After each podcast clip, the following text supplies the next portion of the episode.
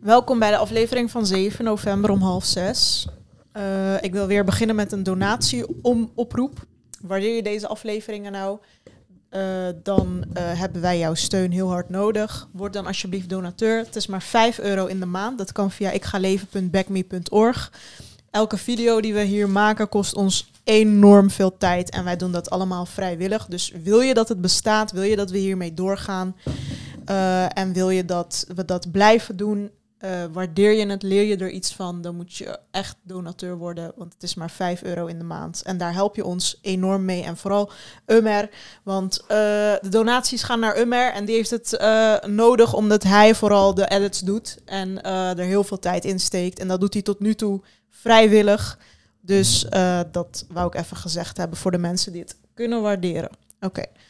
We gaan het uh, deze aflevering hebben over de memes die wij hebben gemaakt. Ja. Uh, die onze luisteraars hebben gemaakt. Oh ja, die, wij hebben ze niet gemaakt. Luisteraars hebben ze gemaakt van ja. afleveringen tot nu toe. En die zijn af en toe heel grappig, dus die wilden we met jullie delen. Ja, um, even kijken. Wat is dit? Oh, dit, oh, dit, is, dit, is, dit is toen ik en Egon een discussie hadden in de groep. Ja, oh ja, dit zijn trouwens niet de echte namen van mensen. Dus als jullie denken, ja. wat een rare namen. Iedereen heeft bijna een fake naam in, in de Telegram. Dit gaat trouwens over mensen in de Telegram chat. Dat kan zowel in de... En vooral mensen in de donateurs chat die wij hebben.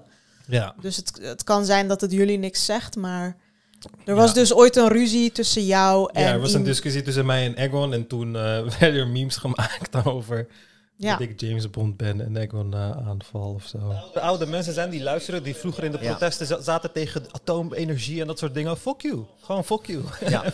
ja. Dit was een van de eerste afleveringen met Izzy volgens mij. Ja, klopt. Toen zaten we nog in de woonkamer. Uiteindelijk bestaat de wereld vol met oplichters en charlatans en zakenmensen die gewoon in je kontje willen tuurlijk. neuken. En ik, wil, ik heb gewoon een hele sterke stringspier en ik wil me niet in mijn kontje laten neuken door al die marketingmensen. En ik heb 1165 euro betaald. Weet je wel hoe, hoe hard ik heb gewerkt, meneer? Mijn bandje en mijn kantje verkopen ervoor. ik heb het nog niet. Slaat. Ja, ik moet mijn mondje en mijn kantje verkopen ervoor. Veel. Zegt hij nou dat hij zijn kontje heeft verkocht? Ja, mijn mondje oh en mijn my kontje. Ja, maar daarom, ik heb een manager nodig, man. Ik heb echt een manager nodig die voor al die dingen achter... Uh, ik heb gewoon een oude... Je kan aan een manager komen als jij maar eenmaal bekend bent. Ik heb gewoon een oude... Ik ben bekend. Nee, want als jij 100.000 followers bij Stel ik ben jouw manager, ja. Wie gaat jou boeken? Ze zeggen wie de fuck is Ömer Oeja? ja. Shots fired. Oh. Dat is wel waar. Nou, dit zijn wij in het leger. Oh ja. ik weet niet waar. oh, dit is ik als AI of zo. Ik een computerchip.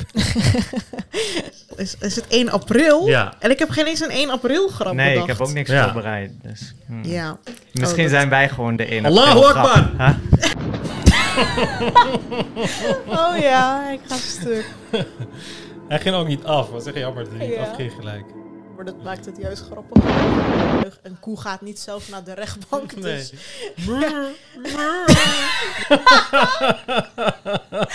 Oh, yo. Eh, waarom speelt hij deze niet af? Even kijken. Ik bel hem ook niet op en zeg van, "Ha, geloof je nog steeds in God? Ah, loser. Geloof je nog steeds in God? Ja, precies. Echt boef. Dus dat moet ook de realisatie wel.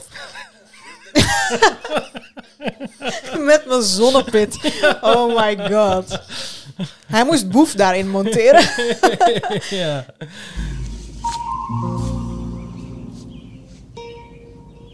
What the fuck is this piece of shit? What the fuck is dit? Ja, het is wa- waarschijnlijk in een context, ja. Wanneer Umar van Freek hoort dat windmolenwieken van kobalt zijn gemaakt. No, no, all right. I know that sounds bad. Dat was echt zo. domme woesje. Zuur. dat beter. Ik ga op zijn profiel Dan kijken. zeg maar af. Kobalt. Ken jij ook Marokkaanse scheldwoorden? Ik ken Ja, er wel meer. Tabonje mek. Je hebt ook nog... Klawi. Een zemmel. Je hebt ook nog iets van... Oxymobila. thee ja, of dat, zo. Dat is Oxymobila, dat is echt eh zweren of zo. Ja. Je hebt ook Wat heb je nog mek. Ja.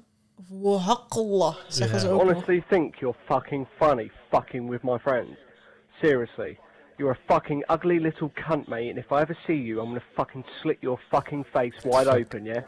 You're a Oh fucking die ruzie. angry little fucking spastic. Why are you crying? The Battle of Umar versus Egon. Vat in de Ik ga leven donateurs chat. Oh, deze had ik niet eens gezien. Ja, als mensen het nog niet weten, we hebben het helemaal goed gemaakt met Egon. Ja, hij is weer in de groep. terug. Het is weer helemaal super gezellig en zo. Nu heb je het weer met een andere verpest. ja, daar gaan we het niet over hebben. nee.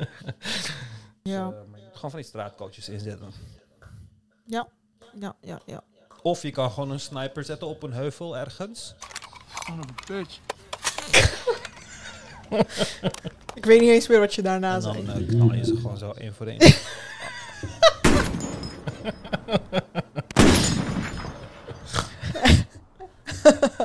Oh ja, dit ging over Marokkanen Marokkanen in. Zandvoort. ja. He's moving, he's moving, he's moving. Ik denk dat dat het meest effectief is tussen alle mogelijkheden. Ben je er wel gelijk vanaf.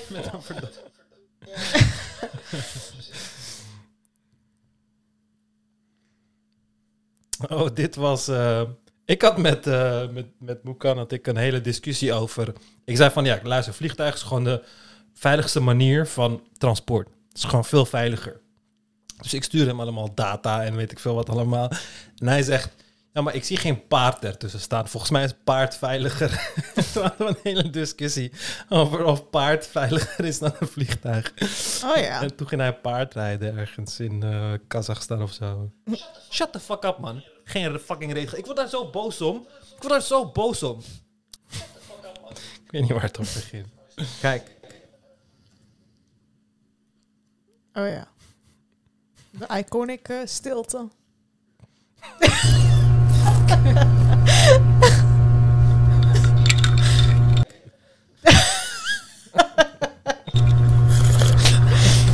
Oh. Je hebt echt veel geduld nodig als je met Izzy een gesprek aangaat.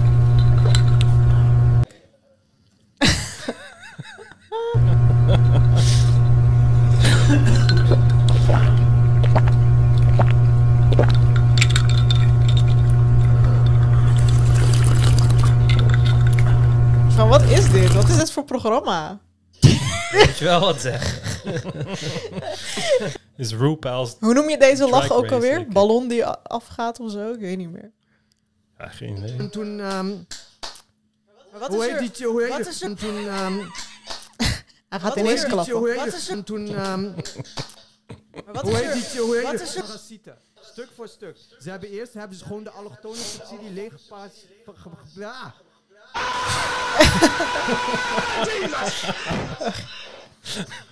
Dat is wel echt jammer. Altijd als je een woord niet kan uitspreken, is je hele point weg. ja. Daarom kun je ook nooit politicus worden als je... maar een maatje over mijn piemel. Is niet Oh my god, deze zag ik niet eens. Oh my god. Wat was die strijd weer? Doe jij dat ook of niet? Wat dan? Doe ik wat? Dat je in de donateursgroep meer durft te delen of zo. Oh ja, sowieso. Ja. Oh, ja. Ja. Ja, eigenlijk nee. Dat, dat heb ik gewoon gelogen net. Maar, eh, Dit is zo random gewoon.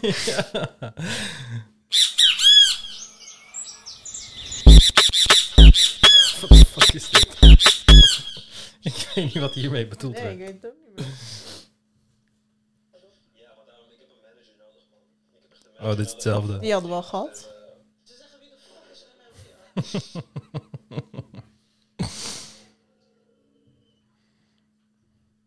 Hebben we nu alles gehad? Sahara Sahel, ik weet niet wat het betekent. Ik ga het gewoon officieel de- declareren. Wappies zijn de nieuwe allochtonen. Change my mind. Fuck is dit?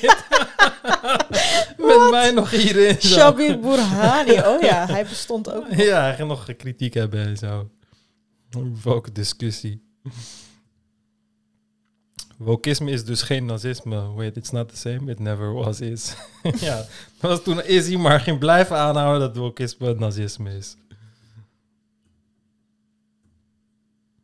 A new foe has appeared. Umar joins the battle.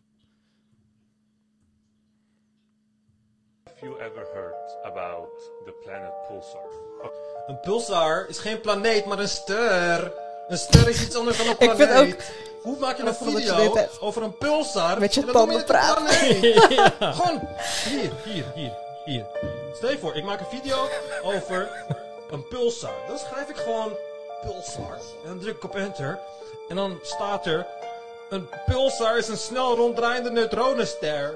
Dus de eerste zin die je had moeten lezen toen je deze video maakte. Maar je begint je eerste zin met... Heb je ooit van de planeet Pulsar gehoord? Ah! Jij geeft ze wel veel meme-materiaal, ja. dat was hoe dik ik ben. Dit is Umar Karl Marx. Mijn favoriete artiesten. Umar en Mushu, Umar Change Mind, Umar Ship Universal AR. Ja, ik weet niet, is ook een context. Facts, facts, facts. Broer, Umar is Fatuman met zijn Kaulo data. Kom, spring op mijn rug. Broer, Umar zijn data zegt dat met vliegtuigen reizen veiliger is dan paard. Yalan ya. Oğlum sen mal mısın, embesil misin? Bak çocuk senin valla koma sokarım bak. Ben insan yanından çıkarmayın oğlum. Telefon dondu bak. Bozuk bir tane andırım var onu da sen bozacaksın. Laten we mensen niet linguistisch uitsluiten. Ja. Dabro 7 memes, ik weet ook niet waarom dit is. Oh, dit was omdat... ehm, dit was omdat... eh, wacht, ik kan dat wel vinden eigenlijk. Dit was omdat ooit iemand in een Facebook-discussie tegen mij zei... Even kijken, ex-moslims in Nederland. Hier. En dan, hoe zoeken we? Zo. En dan Umer. Oh, dit gaat echt veel posts zijn waarschijnlijk. Nee. Ik zag jou net. Ja, nou, iemand zei dit ooit tegen mij op Facebook. Nu je een goede baan hebt veiliggesteld door kritische uitspraken te doen in het verleden, waarmee je enorm mee hebt gescoord, ben je nu langzamerhand aan het transformeren tot de Ottomaanse Turk. Want je houdt je opvallend stil.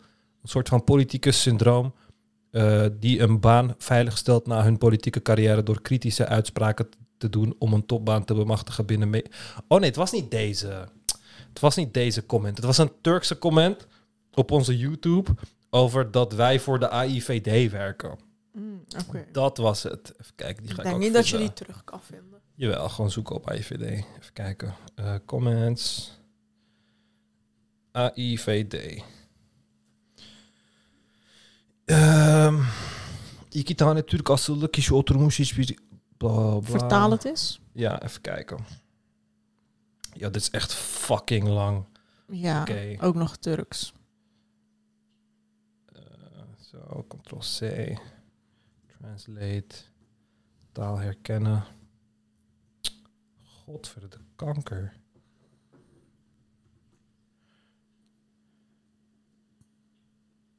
Twee mensen van Turkse afkomst zitten te praten over het zogenaamde Armeense bloedbad dat niet op geldige bronnen is gebaseerd. Ik vraag me af voor hoeveel jullie je eer hebben verkocht. Ik vraag me af of zulke mensen niet elk jaar Turkije kiezen voor hun vakantie. Het doen van uitspraken die Nederlanders leuk zullen vinden. Zal je nooit Nederlander maken en je zult de rest van je leven herinnerd worden als iemand van allochtone afkomst. Die moet je schamen. Toen had ik in het Turks gereageerd. En toen zei de persoon... Even kijken. Ja, Hij noemt jou ook Omar. Echt?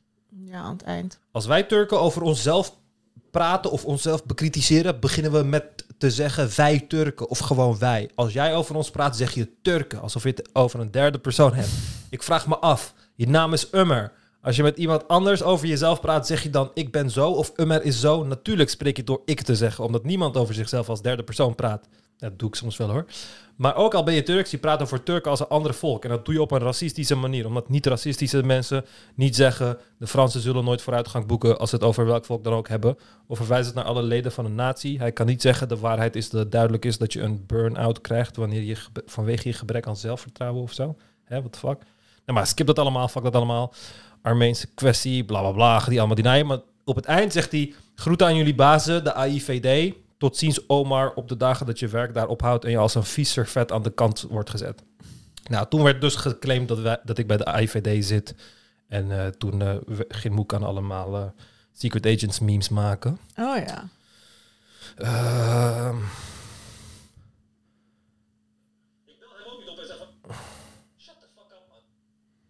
Het is een beetje. eh, Ummers laptop wanneer de, de cure for cancer. Jawel, ik heb katten laten klaarkomen. Dat heb ik ooit verteld in deze podcast. Wat? Wat zei Ik je? heb katten laten klaarkomen. Oh, zo jammer dat je dat hebt geformateerd. Je had het nog helemaal uitgelegd. Dit was voor...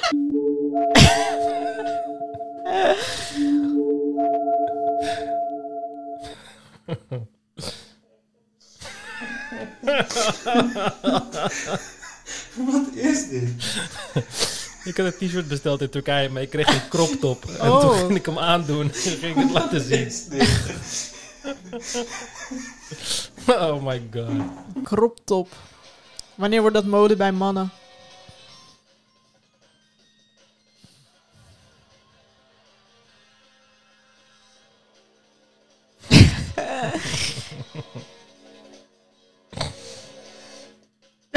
Dat is echt waar. Ja.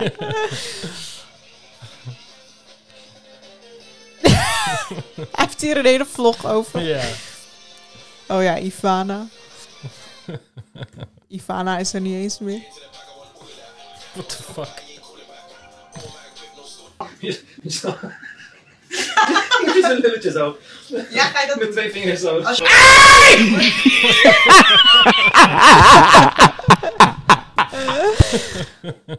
Maar kijk, ik ga niet zeggen, ja, met Primark ga je dan meer geld uitgeven of zo. Mhm. Wat ik ermee wil zeggen is, je kan voor een redelijk betaalbaar bedrag, zeg maar, Die reactie kwam kapot laat. fucking crying, bitch! Where, where, where? I don't wanna fucking hear it!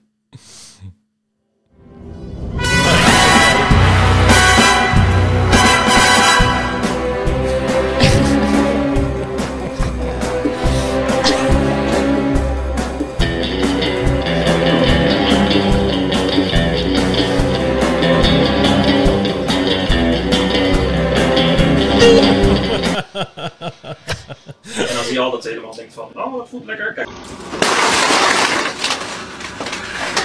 Voorstellen dat ik dan eigenlijk door op je onderbuik te drukken, Dat is ik echt zo waar.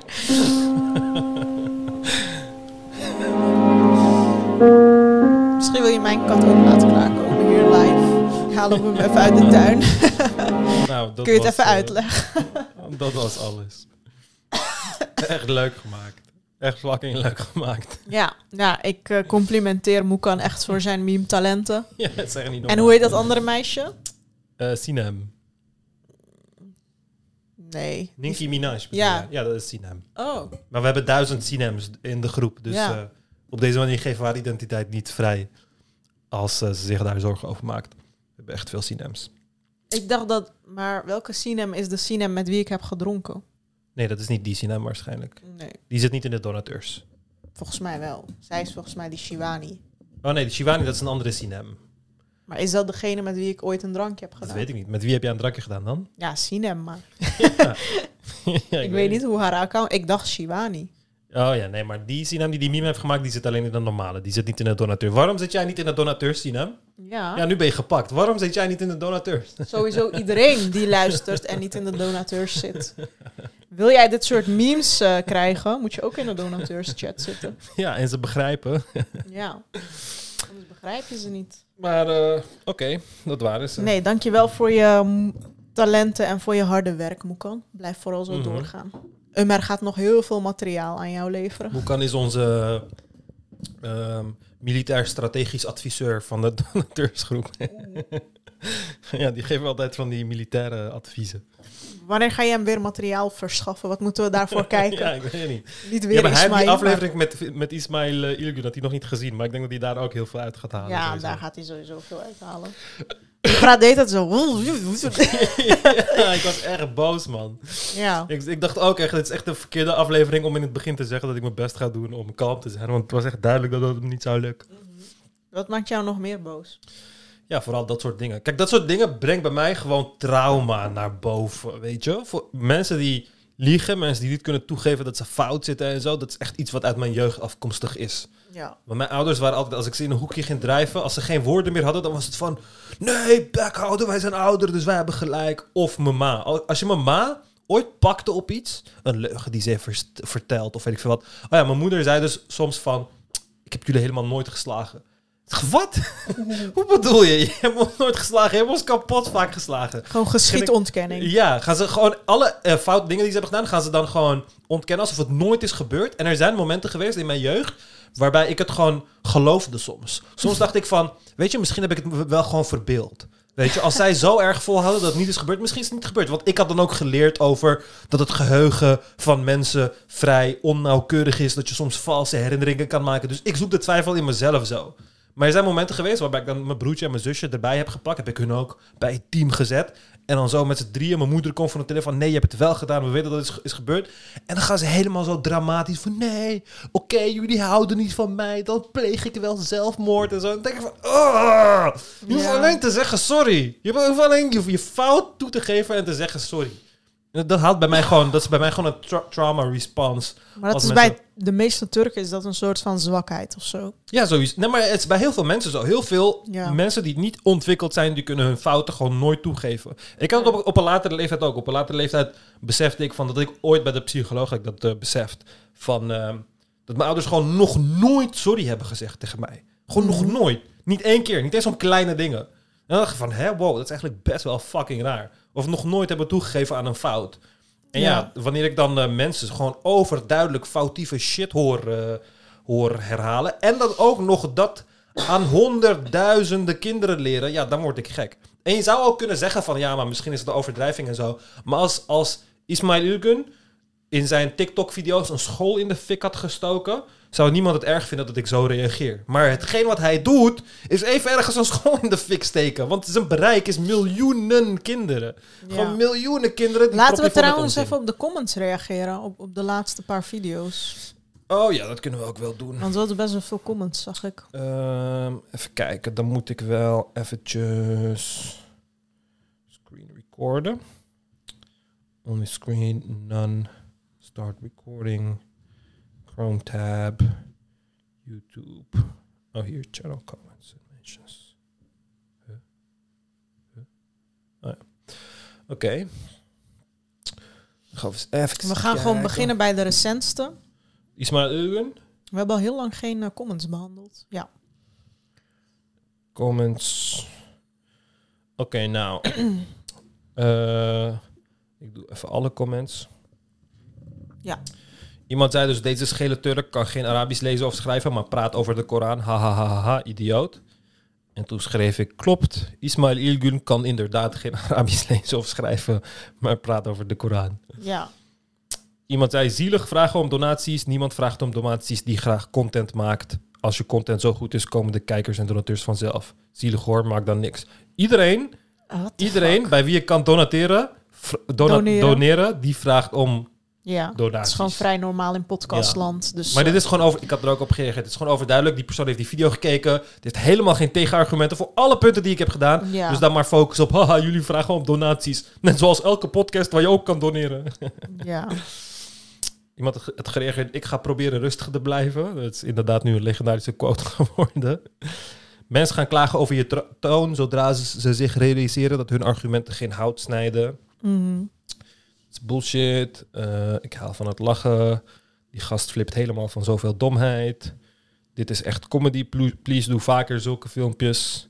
De Ismail piece of shit heeft vanaf dag 1 sinds hij bekend is over alles gelogen. Hij had blijkbaar weer niks te doen en wou zijn ego weer laten strelen via TikTok.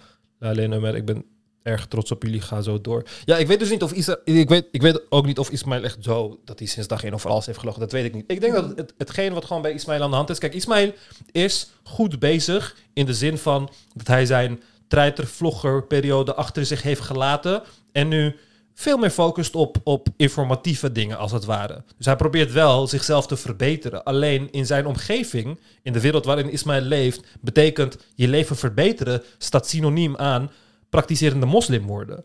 Dat is waar dat synoniem in staat. Als je je leven wilt verbeteren als, als kutstraatjochie in zo'n omgeving, Zaandam-Turken omgeving, dan word je gewoon ge- praktiserend. Ja. Dat is wat er gebeurt.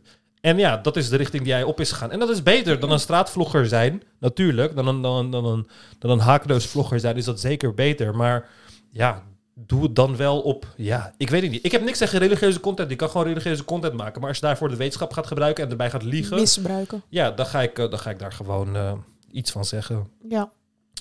Oh, intellectueel zwaargewicht is maar Ilgun, zonde van mijn tijd. Ja, sommigen vinden het ook zonde om eh, iemand die niet zo slim is tijd Ja. te geven. Maar ja, die mensen Als hij bereik heeft, als hij een grote bereik heeft, dan moet Ja. dat. En mensen vallen de trappen erin, dan moet dat gewoon. Ja, precies.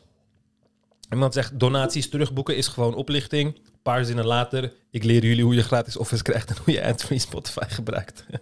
Ja. Eh, iemand zei, waarom zijn jullie zo bezig met moslims die video's maken over hun geloofsovertuiging? Niemand zegt toch dat jullie daarin moeten geloven. Hoezo maak je geen video over iemand die christen is? Waarom zo geobsedeerd met de islam? Laat die mensen lekker content maken wat ze leuk vinden. En als het geloof is, mag dat toch. Continu bezig met moslims. Creëer je eigen content, want op deze manier verlies je alleen maar kijkers. Het is namelijk zwak om elke week een reactievideo te uploaden. Volgens mij kijk jij elke week, moslims. maar goed. Ja. Eh, weet je wat de, de grap is? We hebben ook die christelijke video behandeld Ja. toen we hier met Izzy. Precies. Dus het is helemaal niet waar. Precies. Ik had geschreven, ik hoop dat je begrijpt dat je bias hierin enorm doorcijpelt. Het gros van onze video's gaat niet over de islam. We hebben zat genoeg afleveringen waarin we het hebben over christenen. Dus die hele claims met continu over moslims en geobsedeerd met de islam slaan kant nog wal. Volgens deze extremely biased logic mag Ismail Ilgun tientallen video's maken over wetenschappelijke wonderen in de Koran die gewoon verzonnen en foutief zijn. Dat is absoluut geen obsessie met de wetenschap of haat of misbruik van de wetenschap. Maar als wij aantonen dat er gelogen wordt, zijn wij opeens geobsedeerd. Ga naar school of zo als je niet doorhebt dat je onlogische argumenten en extreem overdreven claims gebruikt omdat de inhoud van de video je krenkt. Eh, Ik heb ook lijp geratioed, want het was eh 16 likes kreeg die reactie. Mensen zeiden dit is juist verfrissend omdat dit geluid weinig bestaat en omdat het zo pijnlijk hard nodig is. Mensen zeiden best sneu dat je speciaal een account moet aanmaken om deze onzin te verkondigen.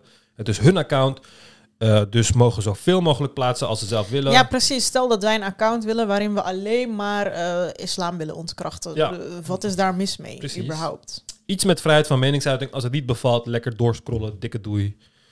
Ehm, je hebt het elk... Oh, hij heeft opnieuw gereageerd. Je hebt het elke week over een moslim of over de Koran. En telkens anderen hun content daarvoor gebruiken. Anderen hun fuck? Ben je, content? ben je fucking dom of zo? Jezus Christus. Alsof dat een soort eh rechtenschennis is of zo. Dat heet letterlijk reaction video's, waarbij je reageert. Dat is letterlijk een hele genre op het internet. Los daarvan hebben we het niet elke week over een moslim of de Koran. Absoluut niet. Opnieuw, het gros van onze video's gaat niet over de moslim of over de Koran. Luister, luister, stelletje.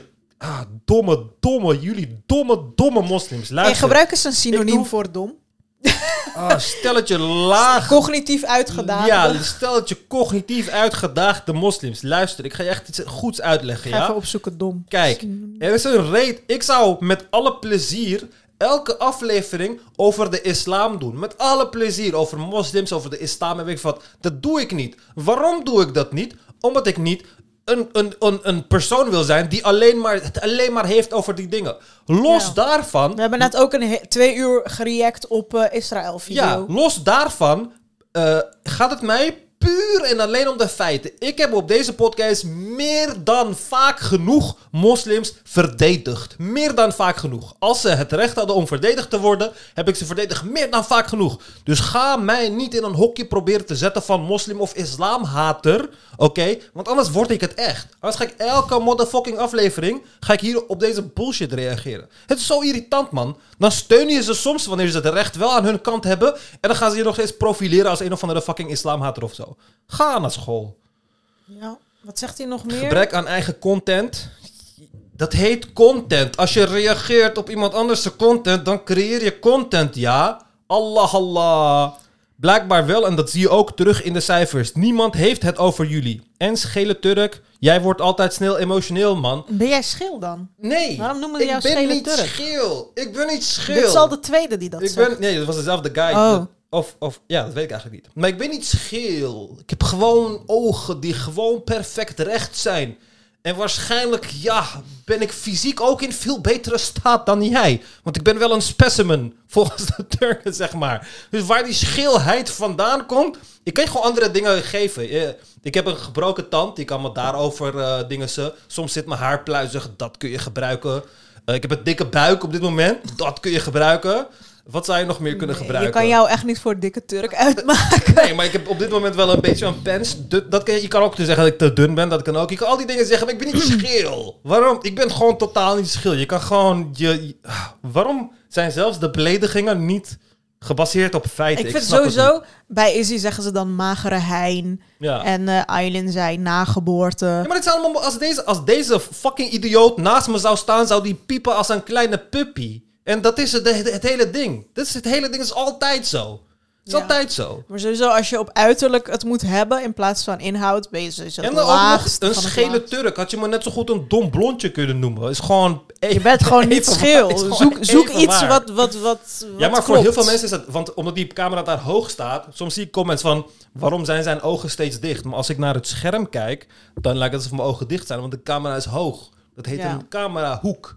Zeg maar. Maar sowieso, zelfs al was je wel schil. Ja. What the fuck. Dat zou heel raar zijn dat een schele Turk... Het toch beter weet En dan dit is een moslim, dat is wel duidelijk. Je mag Ja. in de islam niet eens mensen op hun uiterlijk... Want hè, God heeft je zo gecreëerd, weet je wel? Ja, kijk, hij schrijft ook... En schele Turk... Jij wordt altijd snel emotioneel, man. Meteen praten over school, bla bla bla. Wie zegt dat ik naar school ben gegaan? Hij bedoelt niet ben gegaan. Oh, ik vind het echt leuk hoe ze zichzelf panna geven altijd. Wie zegt dat ik naar school ben gegaan? Mohamed Akou was ook niet naar school, toch?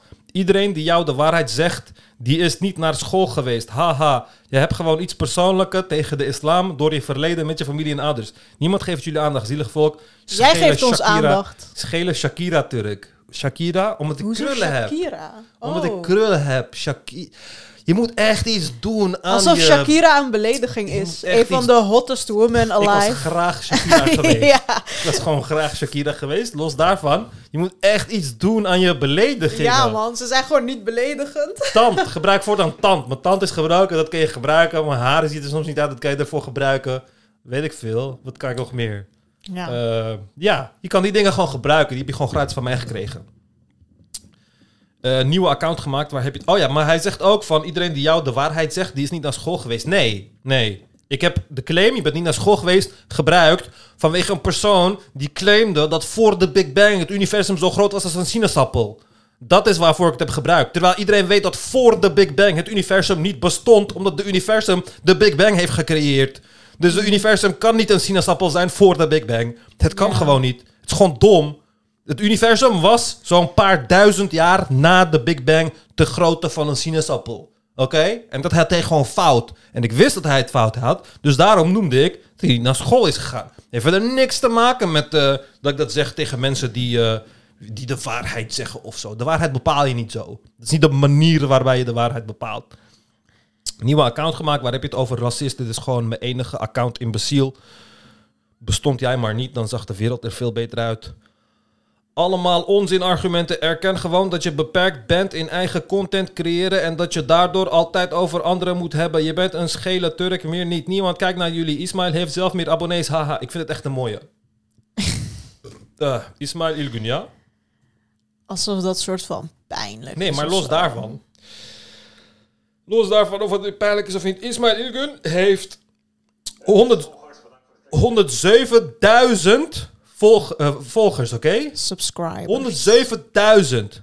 Op YouTube. Zijn laatste video pakt 1.600 views of 5.300 views. Oké? Dat is letterlijk 5%. Nee, ja, dat is minder dan 5% van de mensen kijkt zijn views. Oké? Als je per se over subscribers en zo wilt hebben. Wij hebben 1250 subscribers. Oké, 1257. En onze video's pakken rustig gewoon 2000 views. Dat is meer dan subscribers dat we hebben. Dus leuk dat Ismail Ilgun meer abonnees dan ons heeft. Maar je kan niet tegen ons zeggen: niemand kijkt naar ons. Want statistisch gezien kijkt juist niemand En naar Ismail Ilgun. Deze persoon reageert zelfs bij ons. Dus dankjewel. En die kijkt ook alles. En iemand zei dus, ik werd letterlijk sinds de basisschool zowat wekelijks aangevallen op het niet-moslim zijn door mini-jihadistjes die zieltjes wilden veroveren. Dus eh, ja, dit is gewoon een mogol. Ja, ach ja. Ik ben nu al klaar met de comment section, want het is niet zo interessant. Ja. Ehm, kieskompas wilde ik invullen. Ja, gaan we kieskompas invullen? Ja. Want verkiezingen komen er bijna aan en dat is over twee weken. En alles gaat erover. Start, verder. Dan moet deze video verder. wel voor de verkiezingen online komen trouwens. Ja. Oké. We just start again, net als vorige keer. Ja. Nederland moet minder asielzoekers opvangen. Niet mee eens. Waarom niet? Oh, omdat we sowieso minste opnemen van al onze buren. Eh, Mhm. We doen alsof er een hele crisis is en wij de meeste mensen krijgen, maar wij krijgen de minste mensen. Dus om minder mensen op te vangen terwijl we al de minste mensen krijgen, is een beetje raar. Ik vind zolang de opvang niet eh, goed geregeld wordt, zoals het nu het geval is, en mensen buiten moeten slapen en zo, moeten ze inderdaad niet meer opvangen. Ze moeten eerst dat regelen. Oké, nou dan verschillen we. Ja. Het Rijk moet gemeenten kunnen dwingen om meer huizen te bouwen. Nou, hier ben ik het helemaal mee eens. Om meer huis te bouwen, ja. Ik ook. Er moet meer geld naar armoedebestrijding in Nederland, ook als daardoor de belasting omhoog gaat. Eens. Ik niet. Natuurgebieden in Nederland moeten groter worden, ook al verdwijnt er landbouwgrond. Helemaal mee eens. Ja, mee eens. Mensen die vinden dat hun leven voltooid is, mogen met professionele hulp een einde aan hun leven maken. Ja. Ja. Er moet meer geld naar het openbaar vervoer, ook als daardoor minder geld overblijft voor wegen. Ja. Ja. Nederland, echt chill hè, voor ons allebei, geen autobezitters. Dat is een makkelijke keuze. Ja. Nederland moet altijd minimaal 2% van het nationaal product uitgeven aan defensie, ook als daardoor elders bezuinigd moet worden. Ehm, Ja, vorige keer hadden we nee gezegd, maar Moekan heeft uitgelegd waarom dat belangrijk ja, is. dus blijkbaar is het, eh, is het in de NAVO zo geregeld dat elk land 2% moet uitgeven. Je kan lager gaan, maar dan moet je dat later weer inhalen of zo. Dus België doet blijkbaar wat lager. Mhm. Ehm, ja, ze moeten het inderdaad. Ze hebben dat gewoon afgesproken, dus je moet je aan je afspraken houden. Ja. Om de uitstoot van stikstof te verminderen mag de overheid boeren dwingen om hun bedrijf te verkopen. Ja. Er moet meer geld worden uitgegeven aan jeugdzorg, ook als de belastingen hierdoor stijgen. Ja, ben ik wel mee eens. Eh, eh, Met al deze dingen heb ik ook met armoedebestrijding en zo. Het is leuk om meer geld ergens aan uit te geven. Maar het gaat ook om hoe dat geld wordt Ja, uitgegeven. precies. Er is al veel geld hoor. Als er een... eh, Er wordt die, kijk, het is gewoon beleidskeuze om daar geen geld aan uit te geven. ja. Maar je kan daar gewoon nu ook gewoon geld aan uitgeven. Maar er wordt niet voor gekozen, omdat ja, jeugdzorg, dat is niet in het belang van de politiek die nu aan het heersen is, zeg maar. Ehm, Nou, Schiphol moet meer ruimte krijgen om te groeien. Nou, dat boeit me letterlijk geen reet niet mee eens. ja, ik weet niet wat daar de voordelen en nadelen van zijn, eerlijk gezegd. Ja, ik denk het niet. Ik vind dat er sowieso ehm, wat meer gesplit mag worden met... ehm, Ik ga geen mening doen. op kunst en cultuur mag worden bezuinigd. Ehm, ja, van mij mag er wel worden bezuinigd, maar het hoeft ook niet. Mm, volgens ja, mij wordt er ook al van mij hoeft er niet bezuinigd. te worden. Volgens mij wordt er al heel veel bezuinigd, toch? Ja, Het, het aantal arbeidsmigranten moet worden verminderd, ook als er tekorten op de arbeidsmarkt dan toenemen. Nou, helemaal niet mee eens. Maar wie zou hier dan eens mee zeggen? Dat is toch SP raar? is daarmee eens, blijkbaar. En dan, als tekorten op de arbeidsmarkt toenemen, dan gaan we gewoon... Dan is dat maar gewoon zo of zo. Ja. Raar. Om scholieren op de middelbare school gelijkere kansen te geven, moet de selectie voor VMBO, HAVO of VWO pas plaatsvinden na een aantal jaren gezamenlijke onderbouw. Ik vind het een moeilijke. Nee, voor mij niet hoor. Ik vind het systeem wat we nu hebben gewoon werken. Ja, ik, ik kan wel voordelen daarin zien, maar ik kan ook heel veel nadelen daarin Als zien. ik met VMBO'ers in mijn eerste paar jaar op de middelbare school zat, zou ik mijn leven haten. Ja, maar niet alleen het leven haten, maar je kan ook de verkeerde kant op getrokken worden. Kijk, ik was, Ja. bijvoorbeeld, ik was bijvoorbeeld VWO-student en de VWO'ers in mijn klas, er waren veel Turken in mijn klas, maar die waren allemaal saai. En ik was gewoon gek. Ik wilde gewoon gekke dingen doen. Ik wilde gewoon buitenschool om. Ik wilde gewoon klas skippen en dan een bom maken ergens. Of weet ik veel, een schommel in de fik steken of zoiets. Ja, jij hoorde dus op het VMBO thuis. Ja, dus ik dacht van, hé, hey, deze VMBO-kinderen, ja, die zijn echt, eh, die, die hebben net zoals mij een scheid. Weet je, dus dat, dat trok, trok mij echt naar het negatieve. Dus ik denk dat dat veel kan gebeuren. Want VMBO'ers zijn toch wel hoe zou ik het zeggen, stoerder dan de nerdjes op het VWO. Dus eh, ja, eh, helemaal niet mee eens. Er moeten meer koopwoningen worden gebouwd, ook als er dan minder sociale huurwoningen komen. Nee, ja, er moet gewoon een goede balans zijn. Ja. Ga niet mee eens doen. Rechters moeten vaker gevangenisstraffen geven in plaats van taakstraffen. Nee, ben ik niet mee eens. Ja, in wat? Ik vind het zo vaag. Ja, maar Bedoel je qua zedendelicten? Want soms vind ik dat nee, ze bedoelen gewoon vaker. Ja. Want ik denk dat de ge- ge- gevangenis heeft echt een slechte invloed op heel veel mensen. Als je de gevangenis ingaat, dan, dan leer je echt duizend nieuwe methodes om crimineel te zijn, zeg maar. Want het is gewoon een criminele studiegroepje daar in de gevangenis. Ik ga geen mening doen, want ze zijn niet duidelijk over wat. Ja. Bij een begrotingstekort kan de overheid beter bezuinigen dan de belastingen verhogen. Nee, gewoon belastingen verhogen. Nee, inderdaad. Er moeten meer windmolens gebouwd worden op het land. Ja, ik weet niet. Ja, ik, ik heb er geen probleem mee dat ze op het land worden gebouwd, maar ik heb ze liever in de zee. Dus eh, ik weet ook niet wat ik dan hier moet invullen. ik ben sowieso wel voor meer windmolens, waar dan ook. Ja, ik waarom zou je ze op het land doen als je ze ook in de zee kan doen? Ja, precies. Daarom vond ik het ook een rare vraag. Maar ehm, Ik ja. ga geen mening doen. er moet meer geld naar... Wat is ontwikkelingssamenwerking dan? Eh, geld wat je Gewoon aan ontwikkelingsgeld, toch? ja. Oké, nou, eens. Eh, Nederland moet minder vluchtelingen toelaten via gezinshereniging, ook al blijven gezinsleden hierdoor van... Nou, niet mee eens.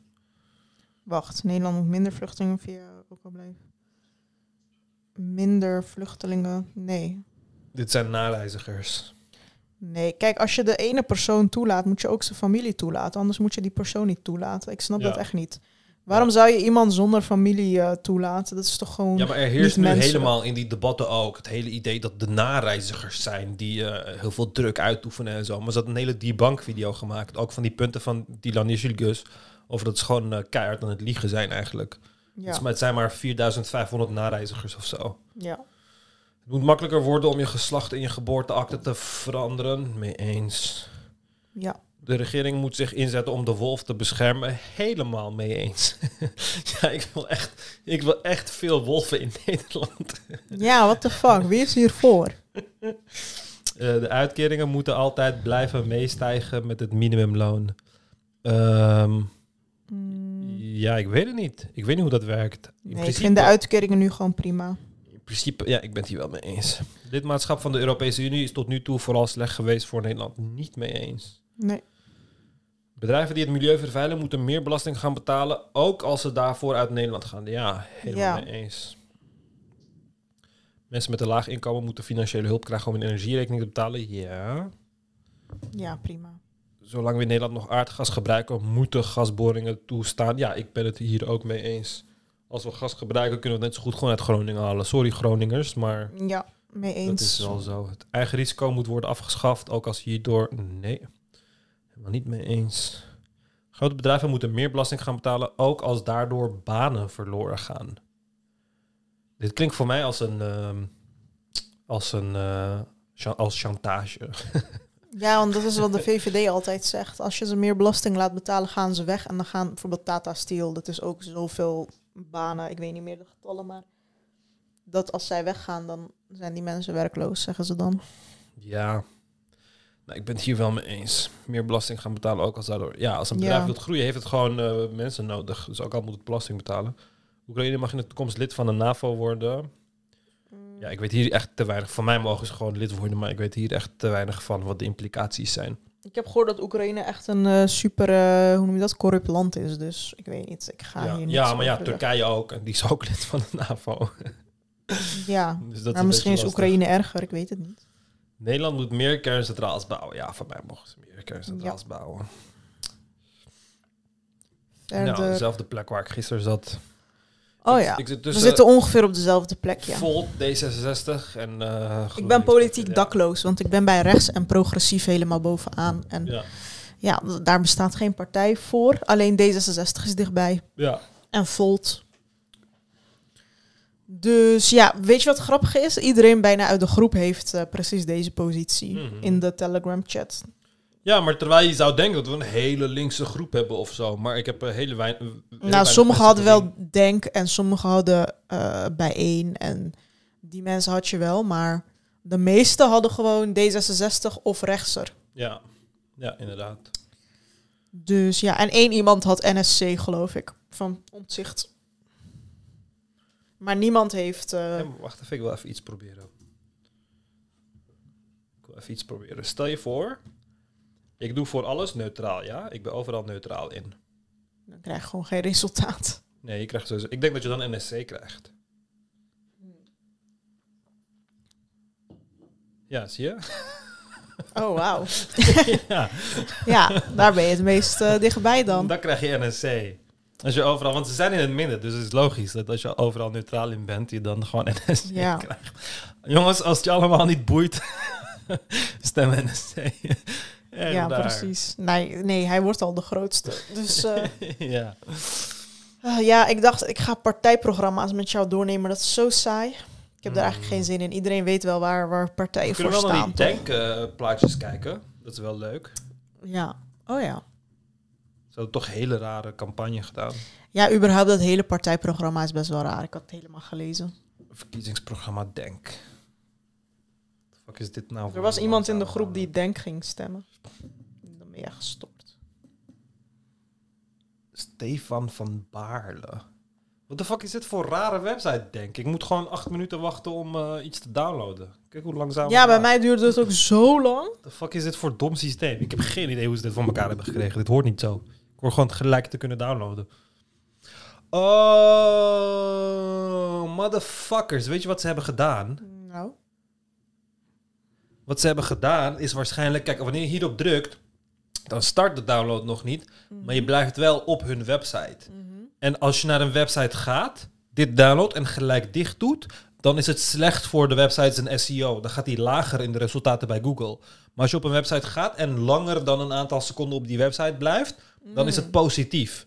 Dus ze hebben het gewoon gebruikt, zodat je niet gelijk van de website afgaat als je de partijprogramma wilt bekijken. Maar het in de backend voor Google lijkt alsof je lang die website bezoekt.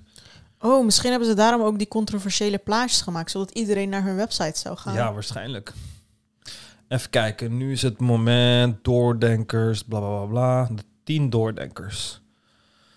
Nou. Oké, nou, moslimhaat. Keihard bestraffen met Geert Wilders achter tralies. Ja, Ja, is best wel... eh, ik vind dat best wel een gevaarlijk Heftig. idee. ja, en vooral dat je gewoon een politicus achter de tralies gooit. Ja. Dit, eh, En daar openen ze ook mee, hè? Zo van, Ja. dit is onze eerste trotse ding. Ja, maar daarom, maar het is ook een soort van, je wilt het niet echt expliciet zeggen.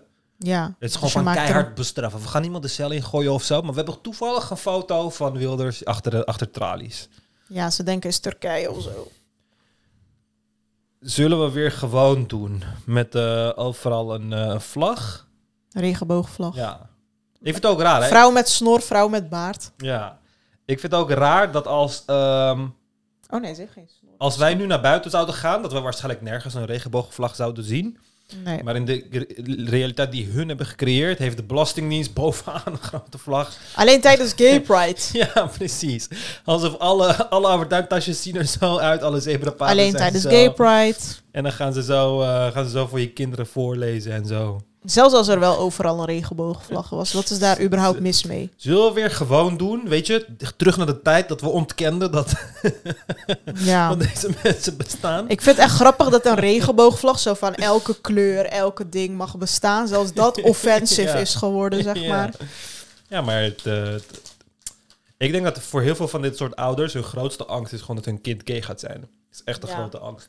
Is ook zo. Ik heb dus een Turkse vriend en hij heeft een zus met twee kleine kinderen, twee jongens. En eh, eh, elke keer als die ergens in aanraking komen met iets van gay zijn, op Netflix of zo, of Disney of weet ik veel wat, gaat ze helemaal in de stand van, oh mijn god, dit is echt niet normaal en dit en dat. en zo helemaal paniek worden. En als die kinderen ook maar iets laten zien, waardoor ze zeg maar niet macho hetero zijn. Bijvoorbeeld, ze vechten niet met zwaarden en ze vinden Spider-Man niet leuk. En ze doen, weet ik veel, ze vinden het leuk om te koken en ze gaan zo daarmee spelen. Dan raken ze al in paniek dat het een eh, homo wordt, zeg maar. Het is echt bizar gewoon. Terwijl vroeger zou niemand daarop letten. Maar nu Nee. is het van, hey, zou die bi zijn? Zou die homo zijn? Ja, nu is het een dreigend gevaar, toch? Ja, precies. Boodschappen weer betaalbaar. Kan zo niet langer. Oh ja. Kijk, vroeger kocht je dus een hele winkelwagen met 50 euro en tegenwoordig maar één stokbrood. ja. Ja, met 50 euro. Maak het een beetje realistisch. Kijk, in Turkije is dat trouwens wel het geval, weet je wel. Ja. Erdogan die jullie steunen. Inderdaad. Maar hier niet echt. Pedoseksuelen chemisch castreren. Waarom niet? Ja. Bijvoorbeeld mensenrechten en zo. Bijvoorbeeld. Ja, er zijn Amerikaanse staten die, die het doen, maar ik weet niet of je daar echt op eh, wilt lijken.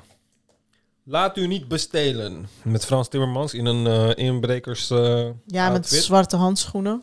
Suikertax, vleestax, fiets, vliegtax, plastic tax. Ja. Ik vind het ook jammer, want echt geen van deze... Kijk, de plastic tax heb je nu inderdaad. Kost je per maand waarschijnlijk 2 euro. ja, de vliegtax heb je nog niet echt. De vleestax heb je ook nog niet echt. Nee. En de suikertax heb je ook nog niet Volgens mij willen ze ook helemaal geen vlees. Tenminste, ik heb dat no- no- nooit gehoord of zo. En suikertax willen ze volgens mij ook niet echt. echt. Ja. ja, je hebt nu met die suikertax alleen die... ehm, dat bepaalde frisdranken duurder zijn geworden of zo. Er was toch een hele ding tussen melk en... eh, Weet je wat grappig is? Ze doen hem in een boevenpak, maar ze schrijven erbij GroenLinks PvdA en dan nog zijn naam voluit. Ja. Zo van, onze achterban is zo kankerdom dat we het Ja. even erbij moeten dit? zetten. Kimbo dan? Ja. Hij lijkt op iemand van de moskee. oh nee, het is Frans Timmermans.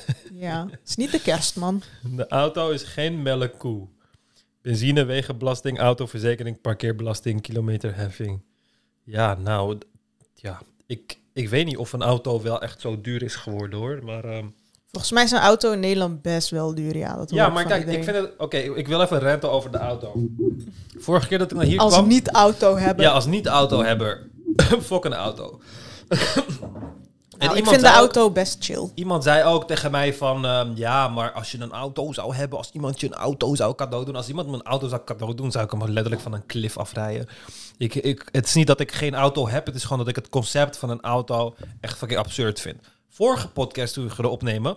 kwam ik uit in de spits, oké? toen ik naar hier kwam. Ik haat de spits. Mijn hele leven... Ik haat OV gewoon. Mijn hele leven is erop, is erop is gevormd op een manier waarbij ik de spits ten alle tijden kan ontwijken. Ik start niet tijdens de spits en ik eindig Ja, maar dat is een luxe positie. Ja, ik weet het, ik weet het, maar omdat ik de spits haat. En eh, vorige keer kwam ik wel in de spits terecht, oké? En de spits zo fucking vreselijk dat ik, ik ben met de bus van Haarlem naar Amsterdam-Zuid en vanaf het deel van VU naar Amsterdam-Zuid had ik gewoon kunnen lopen. Van VU naar Amsterdam-Zuid kan ik gewoon in 15 minuten lopen of zo. Ik heb 40 minuten gedaan om dat stuk. 40 minuten. Waarom? Omdat er een fucking lange file is midden in de stad in Amsterdam-Zuid. Waarom in Amsterdam-Zuid? Omdat elke fucking Mongool met zijn auto naar werk gaat. Oké, dan denk je van... Maar hoezo toch- zijn het Mongolen omdat ze naar hun werk gaan? omdat, omdat Mongool, als je met je auto naar het werk gaat, ben je een Mongool. Oké? Dat doet bijna iedereen. gaat me nu haten. Ik weet het. Iedereen gaat me nu haten. Waarom ben je een Mongool?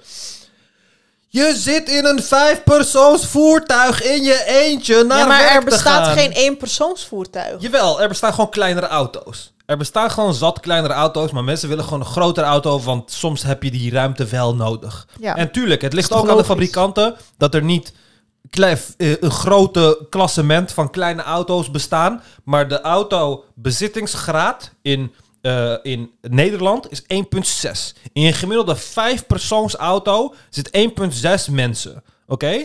En dan moet je even bij jezelf nadenken. Ik zit dan in een bus. Ik zit in een dubbeldekkerbus vanuit Haarlem. Er zitten 100 man in die bus. In één zo'n bus zit 100 man. Als al die mensen met de auto zouden gaan, dan zou het een fucking lange file van 100 auto's zijn. En dan zou het nog meer congested, nog meer gepropt zijn, als het ware. Maar omdat al deze mensen... En dan ga ik daarna, ben ik eindelijk op Amsterdam-Zuid. Moet ik de trein, in- trein in. Trein is propvol, oké? Trein is propvol. Trein neemt, wat zal het zijn, 100 meter in beslag, oké?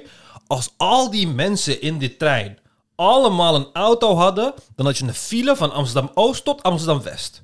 Makkelijk had je die file. Echt makkelijk. Want het is zo ongelooflijk onefficiënt om een auto van 2 ton aan gewicht, waar vijf man in kunnen en je eentje jouw luie kont te laten dragen naar werk, is gewoon zo extreem inefficiënt. Als het allemaal kleinere auto's waren, dan na- namen ze en niet zoveel ruimte in beslag. En dan was het ook gewoon efficiënt, hè? want gewoon één persoon gaat ergens naartoe. Neem een fucking motor of zo. Ga op de fiets, neem een motor of koop een Renault Twizy, zo'n eenpersoonsauto of zo. Maar om dan zo'n grote auto te gebruiken, voor wat? Je zit in je eentje. Elke keer als ik in een file zit, dan, ik zweer, er komen bij mij gewoon genocidale gedachten. Want ik denk dat van, wat voor mogole soort, dierensoort zijn wij? Zitten we hier in de file, iedereen is beroerd in een auto. En in elke auto zit één persoon. Kijk, als ik het is moeilijk om in te zien hoe absurd het is dat je met eentje in een auto zit, want we hebben dat gewoon genormaliseerd. Maar als ik met drie collega's van mij een passagiersbus zou nemen, dat wij een passagiersbus eh, kopen, waarbij we elke keer met z'n vieren naar werk gaan, dan zou iedereen zeggen, ben je een fucking Mongool of zo? Nee, maar je is- vergeet even dat al die mensen die naar hun werk gaan elke dag gewoon in het weekend met hun kinderen ook met de auto. Ja, prima, maar dan hoor je gewoon uitgaan. iets anders te hebben voor in het weekend. Want het gros van de tijd, het gros van de tijd gebruik je die auto in je eentje. Het gros van de tijd wordt een auto bezet door 1,6 personen. Dus als jij dan een auto hebt voor, omdat je in het weekend ook je kinderen of weet ik veel wat allemaal. Ah, het is zelfs bij mensen die geen kinderen hebben, hebben alsnog zo'n auto omdat het gewoon genormaliseerd is. Het is gewoon genormaliseerd wanneer jij met een auto, autorijden begint, dan koop je gewoon een 4, 5 persoons wagen. En dan ga je daarmee lo- lopen rijden. En dan moeten wij al- allemaal fucking wegen gaan bouwen voor al deze mensen. Terwijl die wegen veel minder druk zou zijn als de auto's wat meer bezet waren. Of als meer mensen met het OV zouden gaan. Ik heb echt, ik heb echt grote, grote, extreem grote haat tegen auto's. Het is echt een van de meest onlogische dingen. En al die ruimte die ze in beslag nemen, al die parkeerplaatsen. Daar zouden we gewoon eh, allemaal wat leuks van kunnen doen. Maar nu hebben we allemaal ruimte tekort. Er zijn onze straten fucking lelijk. De straten die ooit van de passagiers waren, van de passagiers, van de voetgangers waren, zijn gewoon in beslag genomen door een eh, soort van eh, dus Israëlische opstand van auto's. Oké, sorry. Ik had dus een eh, vlog gezien en blijkbaar de meeste Japanners hebben geen auto. Ja, en in Japan heb je ook, omdat Japan ook klein is, je hebt ruimtegebrek, maar in Japan zijn hele kleine, hier kijk. Iedereen gaat daar met OV naar, Japan naar werk en zo. Tiny cars. Keicars heten ze. Keicars. Iedereen heeft dus van deze kleine, kleine auto's. Kijk. Kun je gewoon met heel veel man in. Super klein. Allemaal super kleine autootjes. Kijk, zie je er kapot grappig uit. Eén persoonsautootjes, twee persoonsautootjes. Gewoon meer dan, meer dan genoeg. Zelfs een busje is klein. Echt heel veel heb je er in, eh, in Japan. Heel veel modellen. Want grote auto's, er is gewoon niet genoeg ruimte voor grote auto's. Maar hier is het van, oh nee, alles moet groter en groter. En in Amerika is het helemaal doorgeslagen. Daar is de... heeft iedereen een truck. Ja, daar is de Ford eh, F-150 of zo. Daar, eh, één. Dat is de meest verkochte auto. En ja, dat is gewoon een fucking truck. Terwijl je in je eentje bent. Dan ben je net van high school afgestudeerd. En dan koop je een fucking truck. Voor wat? Ja, ik weet het niet hoor. Ik, ik heb echt haat tegen auto's. Maar oké, even verder. Ehm, Nou, ik deel die haat niet. niet meer wachten op een woning. Oh ja, ja, goed plan. Goed plan, jongens. Gewoon, kijk. Zie je, daarom hou ik van, denk kijk, al die Mongolen maar wachten op een woning. En denk, kom dan gewoon met het oplossing. Gewoon niet meer wachten op een woning. Ja. Maar ik snap dit plaatje niet. Je Je moest ziet ook eentje fixen met geen kanker meer. Aids uit de wereld geholpen. Ja. What the fuck. Maar oké, hoe? Maar er is dus een hele rij aan mensen bij te huur. Ja. En er zijn drie huizen te koop. Niet meer wachten op een woning. Stemdenk. Ja, oké. Ja, goed plan, man. Buikplan. Zorg weer betaalbaar. ba- baar. Uw zorgpremie schaadt uw gezondheid. Is de zorg nu niet betaalbaar? Ik weet het niet. Ik heb nooit zorg. Ja, ik weet niet. Dit is Palestina. Oké. Hij moet ook belasting betalen. Ja. Oké. Ja, Nou, dat waren de plaatjes. dat waren ze. Ja. Ze, hadden, ze begonnen met extreem en toen werd het steeds minder extreem. Ja. Zo van, nu is het schrik-effect wel klaar. Simiet uitdelen. Ja, je ziet ook alleen maar allochtonen op Dit- die dit is echt foto's. gewoon Erdogan die eh houtskool uitdeelt voor stemmen. Erkenning van diversiteit. Ik wil even al hun punten lezen, ook Ja, over racisme. dan? Eh, de zwarte dingen, geloof ik. Institutioneel... Oh, oh ja, dus het begon daar gewoon. Institutioneel racisme is in 2030 verleden tijd. Nederland heeft de verplichting om discriminatie in welke vorm dan ook uit te bannen. Kijk, dat is allemaal niet interessant. We moeten even kijken welke wel interessant zijn. We stellen een nieuwe racisme-waakhond in de... Oh, Autoriteit racisme bestrijding. De AR krijgt verregaande bevoegdheden, budget en doorzettingsmacht. Zo kan de AR onafhankelijk toezicht houden ter naleving van de verplichtingen om institutioneel racisme uitgeband te hebben in 2030. Dat klinkt voor mij een beetje eng. Ja. Alsof, alsof Nederland een soort racistisch land is of zo. Tuurlijk, er zal racisme zijn, maar daar wordt ook alles aan gedaan. Eh, die algoritmes en zo zijn al in elke land of in Ja. elke krant besproken. Oké, dit vind ik eigenlijk allemaal niet interessant. Ehm voeren een verplichting in voor stilteruimtes. Oh ja, dit is eh, interessant. Religieuze vrijheid, hoofdstuk. Denk blijft onomwo- onomwonden, onomwonden staan. Wat betekent dat? Onomwonden, dus zonder poespas. Staan Eh, achter het recht. Staan achter het recht op bijzonder en religieus onderwijs. De consumptie van halal of kosher vlees blijft altijd mogelijk. Ja, zo van elke kantine of zo. We voeren een verplichting in voor stilteruimtes in belangrijke publiek toegankelijk gebouwen. Op zich ben ik daar niet eens op tegen, stilteruimtes, als het maar geen Nee. moskeeën zijn. Ja. Vrije dagen voor verschillende religieuze feestdagen. Naast de christelijke feestdagen moeten ook de belangrijke bla bla bla, zoals Ramadan, Holi, Diwali, Yom Kippur, Vais, Vaisakhi en het offerfeest.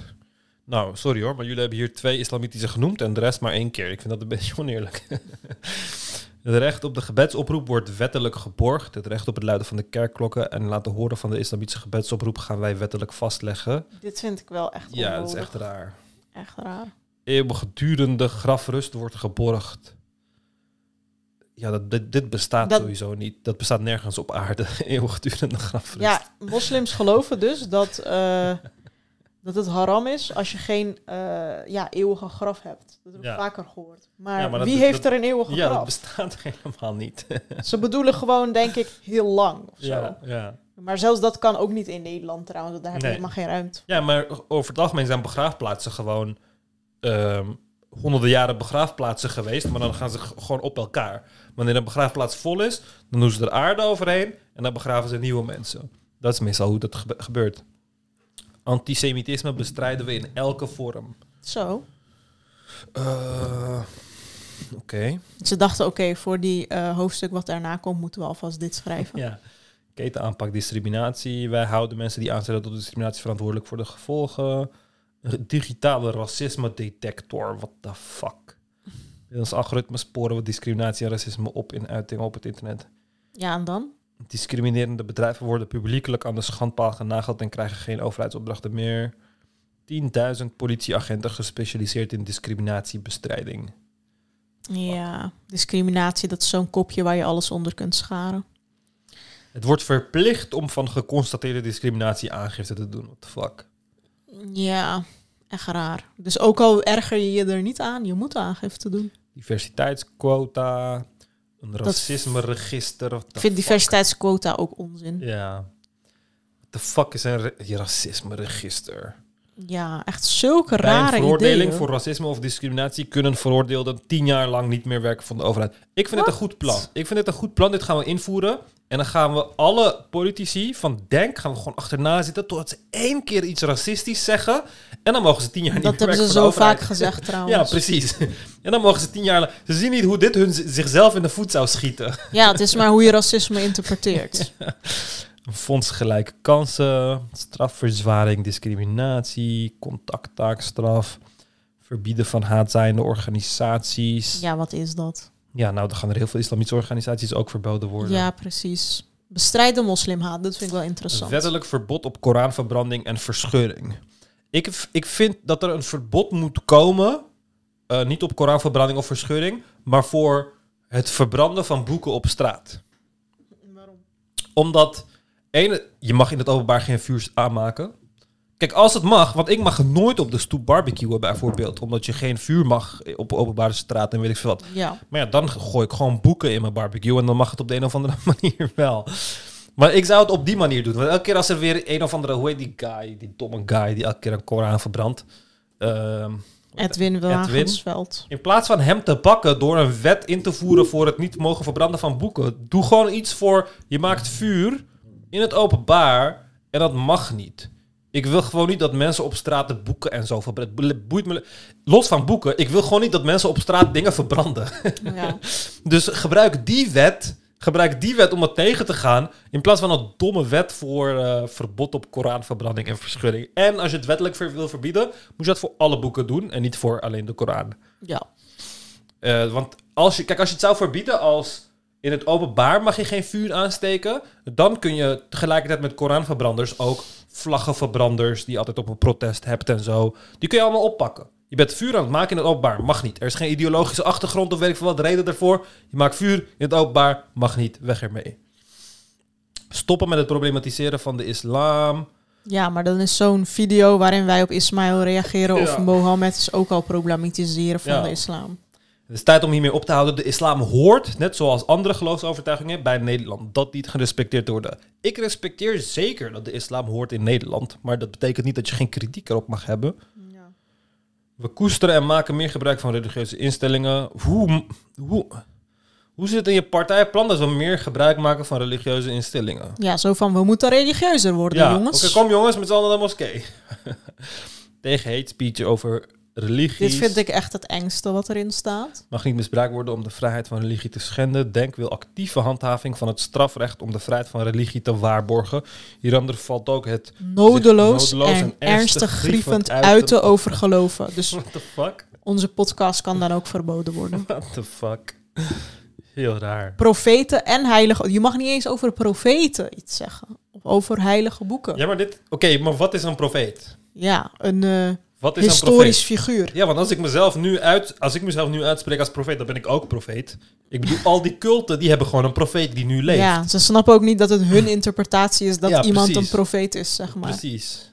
En heilige boeken ook. Ik kan zo een religie starten waarin ik gewoon een boek uitbreng met. Mohammed is een pedo en dan is dat mijn heilige boek. Dan mag je geen reet zeggen erover, want het is Ja. mijn heilige boek. Nationaal coördinator anti-moslim haat. Niqabverbod gaat van tafel. Eh, overheid gaat moslims niet met wantrouwen, maar met vertrouwen bejegenen. Illegale spionagepraktijken tegen moskee worden uitgebannen. Waarom? We leren er juist van. Mos- Het is maar spionage, het is Ja. geen geweld of zo. Ja, maar hiermee doe je ook soort van. Kijk, de moskee is een openbare plek Ja. voor moslims. Dus als je daar, als je kritiek hebt op dat er daar wordt. Kijk, als er gespioneerd wordt in je huis, dan begrijp ik het nog. Dat soort van privacy schending. Weet je, dan ook al heb je niks te verbergen, is het toch niet fijn. Maar waarom zou je een illegale spionagepraktijk in een moskee erg vinden als je niks te verbergen hebt? Want het is niet dat je daar pr- pr- privacy eh, gevoelige dingen doet of zo. Ja. Moslimdiscriminatie door banken en de financiële instellingen en institutionele islamofobie door de Belastingdienst of andere overheidsinstellingen wordt verleden tijd. Ja, man. Ja. Als een bank straks een hypotheek weigert van een moslim, hé, hey, discriminatie. Eh, na excuses komt herstel. Het is tijd voor herstelbetalingen. Het Koningshuis betaalt de 500 miljoen euro terug die zij hebben verdiend aan de handel in tot slaafgemaakten. De slavernij wordt wettelijk erkend als een misdaad tegen de mensheid. Het jaartal 1873 wordt erkend als officiële einde van de slavernij. Eh, Nationaal Slavernijmuseum wordt gefinancierd. Zwarte Piet wordt wettelijk verboden. AOW gaat voor Surinaamse Nederlandse ouderen dient volledig hersteld te worden. Kitty Kotti wordt een nationale feestdag. Meer aandacht voor de Caribische herdenkingsdag. Eh, koloniale verleden. Wat is antiziganisme? Geen idee. Oh ja, de Roma, Sinti en woonwagengemeenschappen. Hmm. Is door de jaren heen veel onrecht aangedaan. Oké, gelijkwaardige positie. Antiziganisme heet dat dus. Nou, daar leren we nog eens wat van, denk. Jongeren zijn de toekomst. Bla bla bla. Bla bla bla. Aandacht voor het welzijn van onze jongeren. Goed onderwijs. Eh, Volledige compensatie voor de studieschuld van de pechgeneratie. Oeh, zebbi. Weet je hoeveel dat is? De lasten van studieschuld te Dat zegt verlichten. geen enkele partij. Basisbeurs, de aanvullende beurs worden verhoogd. Eh, Denk wil door prestatiedruk tegen te gaan de psychische en mentale uitdagingen van jongeren het hoofd bieden. Door prestatiedruk tegen te gaan, door scholen makkelijker te maken, bedoelt hij.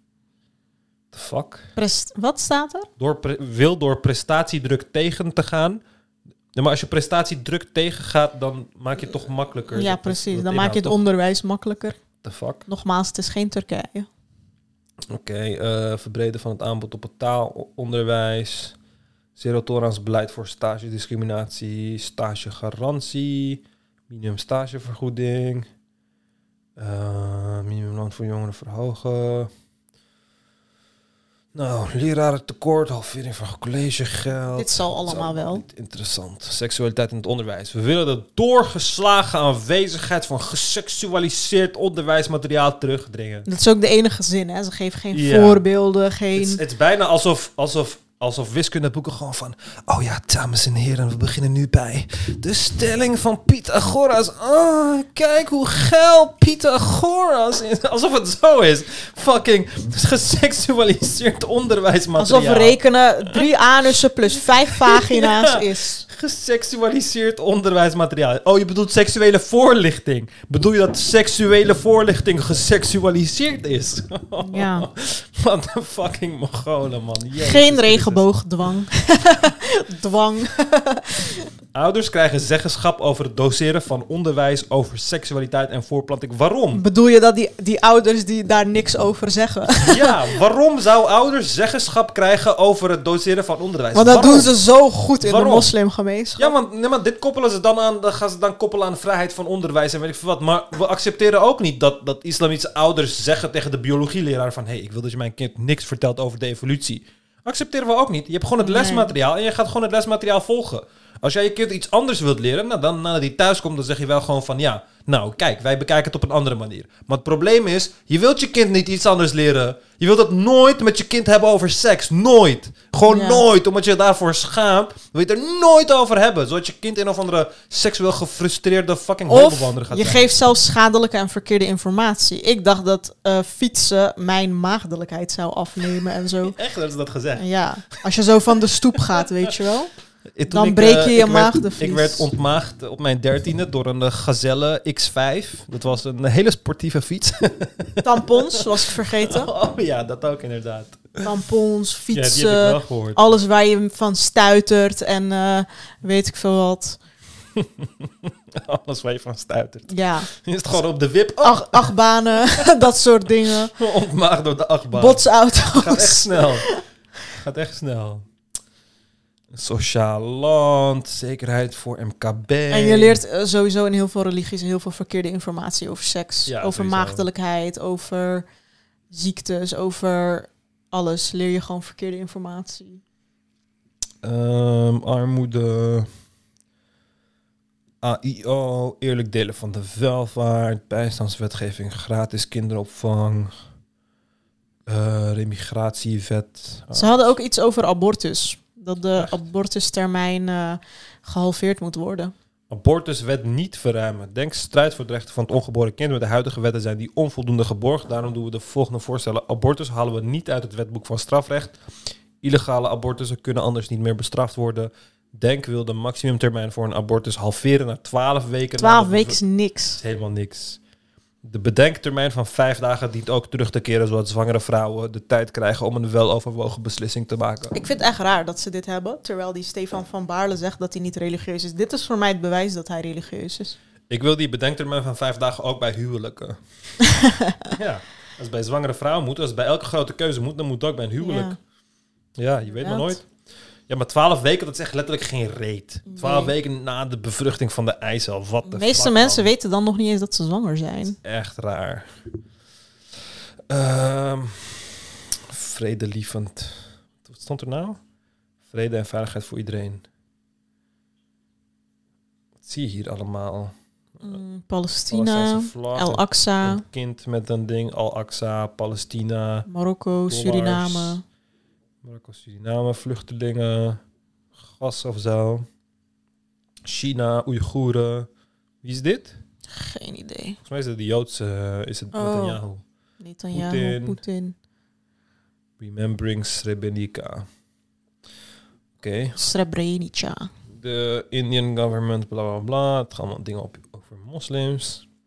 Oorlog in Oekraïne.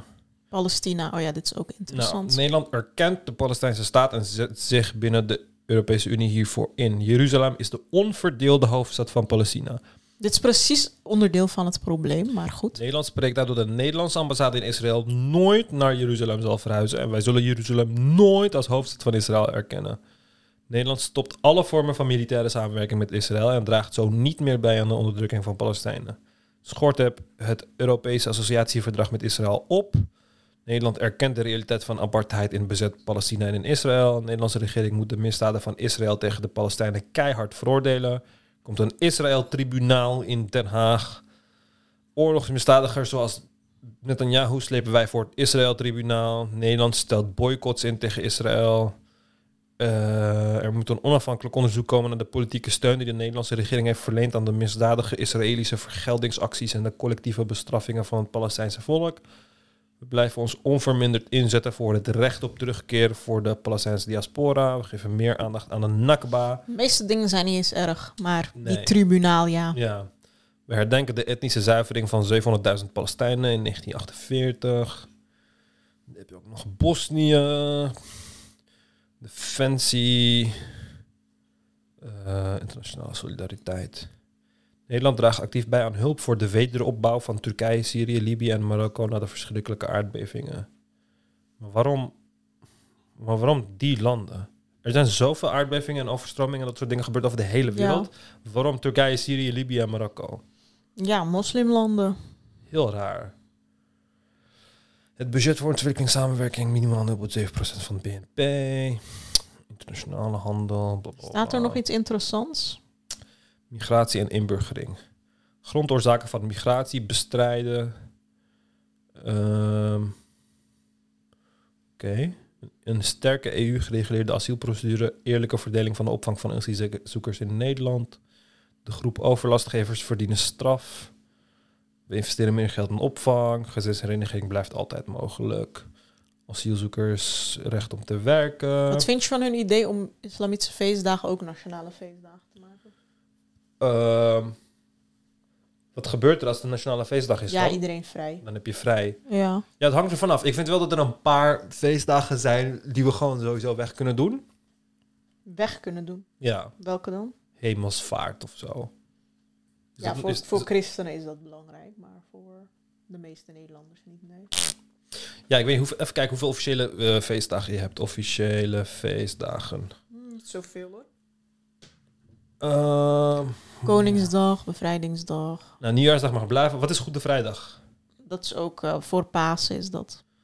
Goede Vrijdag en Pasen. Kijk, Pasen mag voor mij blijven. Ik weet niet wat Goede Vrijdag is. Ja, is gewoon de vrijdag voor Kijk, Pasen. Pasen hebben we al geontchristelijk. Dat is nu gewoon een konijn met eieren en zo. Goede Vrijdag. Ja, Goede Vrijdag is gewoon een dag voor Pasen dat iedereen Nee, maar vrij het is. is, het is twee dagen voor Pasen. We hebben eerst de tweede paasdag. Kijk, Pasen heeft al, die is al binnen, want die heeft twee dagen zelfs. Die is gewoon, die is goeie. Koningsdag, bevrijdingsdag, oké. Hemelvaart. Ja, hemelvaart en Pinksteren, die snap ik dus niet. Ja. Voor mij mogen we hemelvaartsdag en Pinksteren mogen we wel inruilen tegenover whatever. Of we moeten het leuker maken, zoals bij Pasen. Ja, ik vind wel dat er sowieso één, één islamitische mag van mij eh, officieel worden. Misschien de eh, suikerfeest. Suikerfeest. Want dat, dat is ook... Tegenwoordig is dat ook leuk voor niet-moslims, zeg maar. Het is wel een beetje geïntegreerd, de suikerfeest. Ehm, Kitty Kotti mag van mij een officiële feestdag worden. Ik vind dat ook wel... Ik vind een, een dag voor de slaven vind ik wel eh, eh, chill, zeg maar. Ehm, voor het slavernijverleden. En eh, ja, voor de rest hebben we er nog... Maar dan discrimineer je toch weer alle Fieten en Hindoes en weet ik veel, Yazidis en Ja, maar daarom is het belangrijk en van welke, welke feestdagen worden breed gedragen in Nederland en zijn een soort van onderdeel van de cultuur dus het is geworden. een numbers game. Ja, in principe. Maar dat is altijd zo, toch? Ik bedoel, al deze christelijke zitten er ook tussen, omdat het... We hebben geen Joodse ertussen, in principe. Terwijl Nederland wel altijd judo-christelijk is geweest. Eh, ehm, ja, Hanukkah. Ja, Ja. ja. Hanukkah mag van mij ook, maar dat is op dezelfde dag als uh, kerstmis. maar dan hebben we wel heel veel feestdagen. mij. Hanouk- Ja, maar daarom moet Pinksteren en eh dingen ook weg. Want wat de fuck is Pinksteren, man? We moeten gewoon net als bij Pasen moeten we een Pinkster ontbijt doen. Ha Hanukkah. Oh, 7 de- december. Oké, 7 december. Dus dat is tot 's avonds van 7 tot 15 december. Ja, Hanukkah mag van mij er ook bij. Vind ik ook een leuke. Hanukkah, misschien Holy of zo, ik, ik weet het niet. Maar eh, kijk, weet je wat het is? Nu zijn het- is het te christelijk of zo. Ja. Je hebt kerstmis, Pinksteren, Hemelvaartsdag, Pasen, Goede Vrijdag. Dus de helft van onze vrije dagen zijn christelijk. Nou, welk is het leukst? Pasen en kerstmis. Die mogen sowieso blijven, want dat is gewoon voor de kinderen. Dus Pinksteren, Hemelvaarts en Goede Vrijdag, dan doe je er drie weg. Dat zijn vier dagen. En dan kun je vier eh, andere, andere vrijdagen erbij doen. Dan wordt het echt een multiculturele samenleving Ja, eigenlijk. kijk, eh, suikerfeest zou ik sowieso doen. Kitty Kotti, suikerfeest zou ik doen. en Hanukkah. Ja, Hanukkah zou ik ook doen. En voor de Indiërs zou ik die Holi doen. Holi is ook leuk. Dat gaan, gaan ze met die kleuren gooien en zo, toch? Dat Oh is ja. ook leuk. Dat kunnen we combineren met het festivalleven. En dan kun je daar ook geld uit Maar ja, als je Indiërs erbij doet, moet je ook Armenen en Alefieten en zo doen. Want die, zijn met meer. Ja. Alefieten hebben ook gewoon hun suikerfeesten. Ja, welke dag dan? Heb je dat op een andere dag? Voor de Ramadan, geloof ik. Ah, Net ja. voor. Omdat zij die Shiïtische ding volgen. Ja, nou, suikerfeest, Kitty Kotti zou ik sowieso doen. Ehm, maar voor de rest... eh, want wat waren hun ideeën nou? Suikerfeest en nog eentje, zeiden Zij ze. zeiden gewoon van alle feestdagen. Oh ja, alle feestdagen inderdaad. Kijk. Maar ja, dan kom je echt in de knel met eh, elke gemeenschap die hier woont. Dan kun je ook bij wijze van Turkije 100 jaar republiek of Turkije kindersuikerfeest. Of nee, hoe noemen ze dat? Çocuk bayramı? Kinderfeest, Oh ja, kinderfeest. kinderdag. Ja, dat, dat, dat wil ik eigenlijk ook. Een, eh, Kinderdag. Ja, Dag van de kinderen. Dag van de kinderen. Want we hebben vaderdag, we hebben moederdag, maar ook de dag van de kinderen. Waar kinderen gewoon lekker verwend worden. Al hebben we hier kerstmis daarvoor, maar goed. Of dag van de zoon of dag van de dochters, kan ook. Ul... Nou, Zedde Ramadan, Holi, Diwali, Yom Kippur, Faisaki en het offerfeest. Wat is de, het, het grootste eh jodenfeest? Dan is dat Yom Kippur.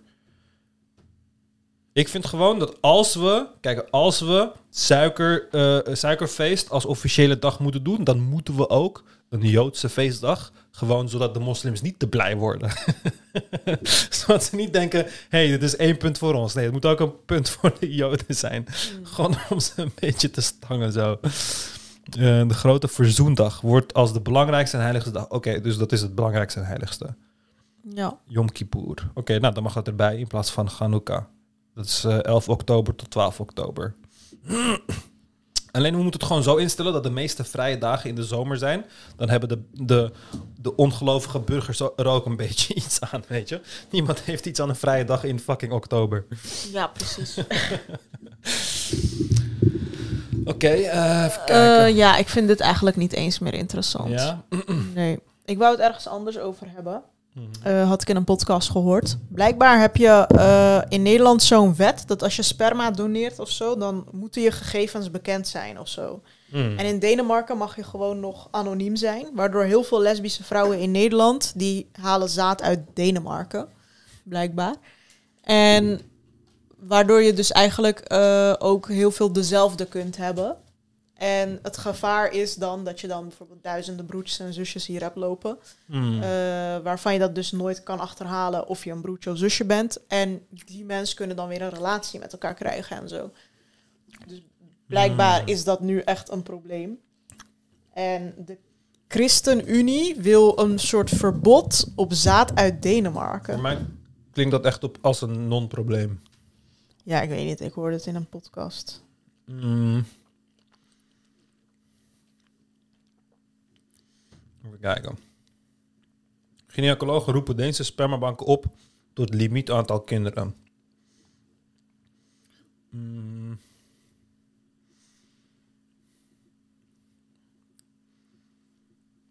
Vrouwen kunnen zich in Nederland in 10 van de 13 vruchtbaarheidsklinieken laten behandelen met buitenlands donorzaad. Voornamelijk afkomstig van commerciële spermabanken in Denemarken. Ouders kiezen hiervoor omdat er hier grote wachtlijsten zijn en ze de donor niet zelf mogen selecteren, wat bij Deense banken wel kan. Nou, dames, als iemand zaad nodig heeft en het gewoon wilt selecteren en je selecteert mij, wil ik je gewoon best gewoon een beetje zaad sturen. Als je hier toch niet mag selecteren. Een beetje Turk zaad in plaats van nee zaad. In Nederland mogen spermadonoren maximaal 25 kinderen verwekken bij 12 gezinnen. Die maatregel moet incest en inteelt voorkomen. Maar andere landen hebben soms helemaal geen limiet. Een Deense donor kan dus wel honderden nazaten hebben. Maar dat is echt een heel klein risico hoor. Het is een heel klein... Kijk, ehm, stel je voor je doet duizend kinderen, oké, van één persoon.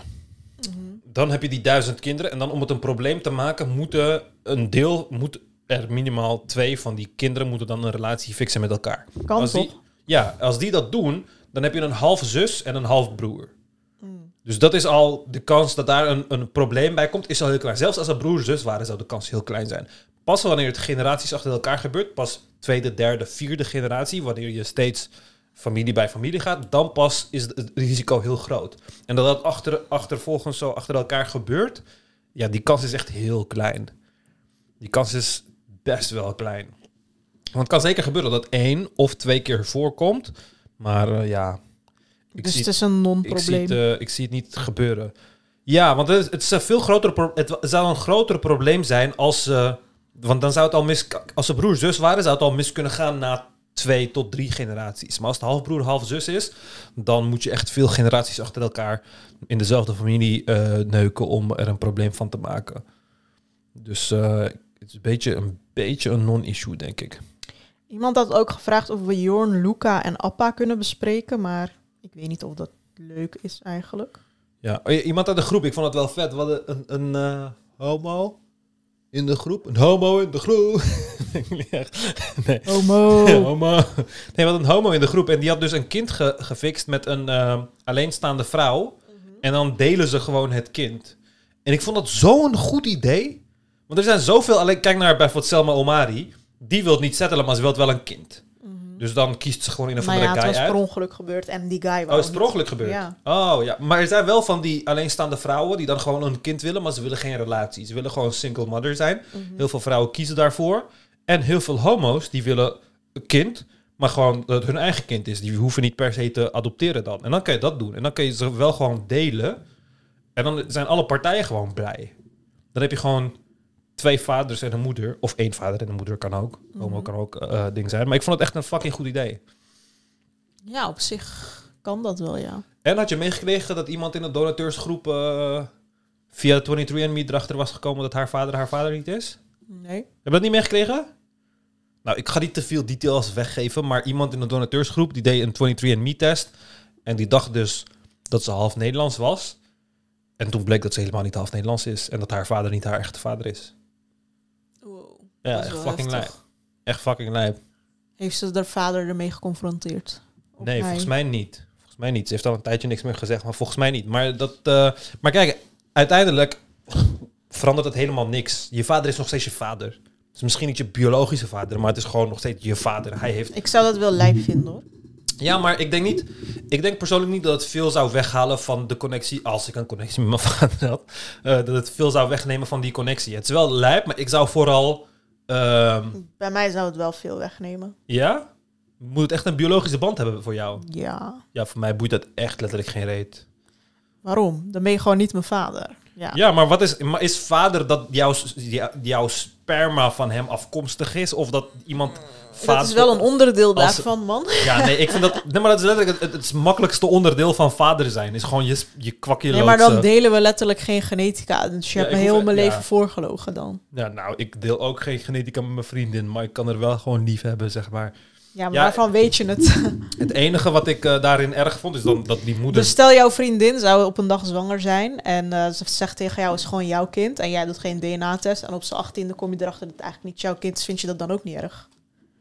Als mijn kind was, dan zou ik.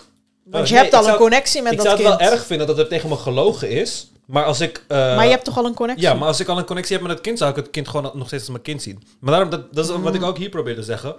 Ik zou Ja. het nog steeds als mijn vader zien, los van dat het geen biologisch ding is. En het ergste wat ik zou vinden, is dat mijn moeder blijkbaar dan heeft gelogen over wie mijn vader is. Misschien ook tegen mijn vader en tegen mij, of Mm. misschien alleen tegen mij. Dat zou ik erg vinden. Maar eh, ja, als je gewoon, weet ik veel, 25 jaar bent opgegroeid met die man en je kent hem als vader, dan is het gewoon je vader. Nee, klopt. Voor mij hoeft ook die connectie niet stuk. Maar ik zou het gewoon erg vinden dat er zoveel leugens dan zijn Mhm. waar ik heel mijn leven Het is vooral de leugen die het eh, kut maakt eigenlijk. Ja. precies. Eh, ik wou de HEMA-folder nog bespreken. Omdat moslims in de HEMA-folder een Israël-vlag zien. En het daardoor gingen boycotten.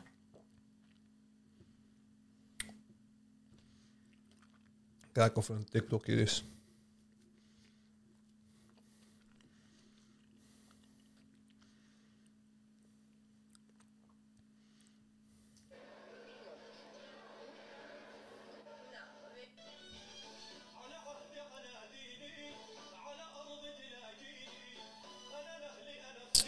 What the fuck, man. Het is gewoon iemand die dan dit ziet en dan gaan ze bij HEMA vacatures gaan ze reageren erop met ik, ik steun geen bedrijven die Israël steunen. Ja, je hebt daar heel veel memes en TikToks over. maar Oh, Jezus Christus, man. de vraag is nu, steunen zij Israël of niet? Ja, nee. Ik had dus gekeken naar die ster die zij hebben gebruikt. Want ik dacht, ja, het is wel opvallend dat ze een ster doen. Mhm. Met toevallig blauw-wit. Hoezo die ster, die is zo random. Maar die ster heeft echt meer spikes dan de Oh ja, Israël dit is, niet, dit is niet de Joodse ster, nee. Nee. Nee, dit zijn ehm 1, 2, 3, 4, 5, 6, 7, 8, 9, 10, 11. Ja, 11 punten. Israël ster heeft er 6. Ja, precies. Dus Dus twee keer zoveel bijna. Maar eh, los daarvan, toen deze hele ding uitkwam, ging ik ook eh, op zoek naar deze, dit plaatje. Om te kijken wanneer hij voor het eerst op het internet verscheen. En hij verscheen, deze tas, deze shopper, deze foto van deze tas, die verscheen iets van drie dagen na het conflict voor het eerst op het internet. En dit soort dingen duren echt lang om binnen een bedrijf. Want dan is het echt, dan, geef je, dan ga je eerst concepten bedenken en dan Ja, kom je met dit idee en dan ga je het doorgeven aan de designers en die gaan het dan designen en dan gaan mensen er een keuze over maken en dan gaat het naar de leverancier, die gaat het dan drukken en dan moet er deze foto gemaakt worden. Dus dat zijn vaak wel gewoon processen die maandenlang duren. ja. Dus ik denk niet dat ze zo binnen drie dagen even dit... eh, En het is ook gewoon raar. Als je uit wil komen voor Israël, dan doe je dat gewoon open. Want Israël heeft er niks aan dat je het zo in het geheim zonder het te noemen doet, zeg maar. ja, precies. Dat is alsof ik vandaag een blauwe broek draag omdat ik eh, Israël support. Er Ja. zijn sowieso heel veel TikToks van mensen die zo naar de Albert Heijn gaan en dan schreeuwen van eh, Ja, we gaan hier geen boodschappen meer doen en zo. dom. Maar ik weet niet hoe die TikToks heten.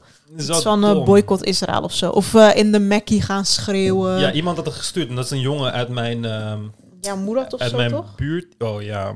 MC Murat of zo? het is echt erg dat we het daar nu over gaan hebben. Maar dat is gewoon een zwak begaafd jongetje uit mijn buurt ja, maar ook niet zwak begaafden doen dat gewoon hoor. Ja, mensen ja het zeker. gewoon delen. Zeker. Even kijken, was het dit? Nee, dit is Meanwhile in Rotterdam.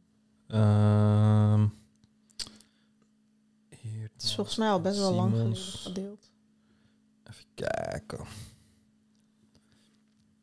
Ik zie hem niet echt. Kunnen we video's van Driens van Langehoven kijken ook? Eh, ja, wat, wat heeft hij dan? TikTok of zo? Ja. Hij heeft heel veel TikToks. Hij maakt echt elke dag drie of zo. Oh nee, het gaat allemaal trauma's terugbrengen.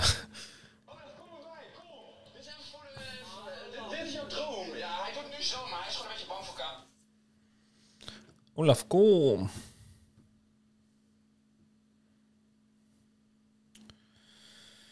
Ehm nou, de meeste views moeten we even kijken. kiezen.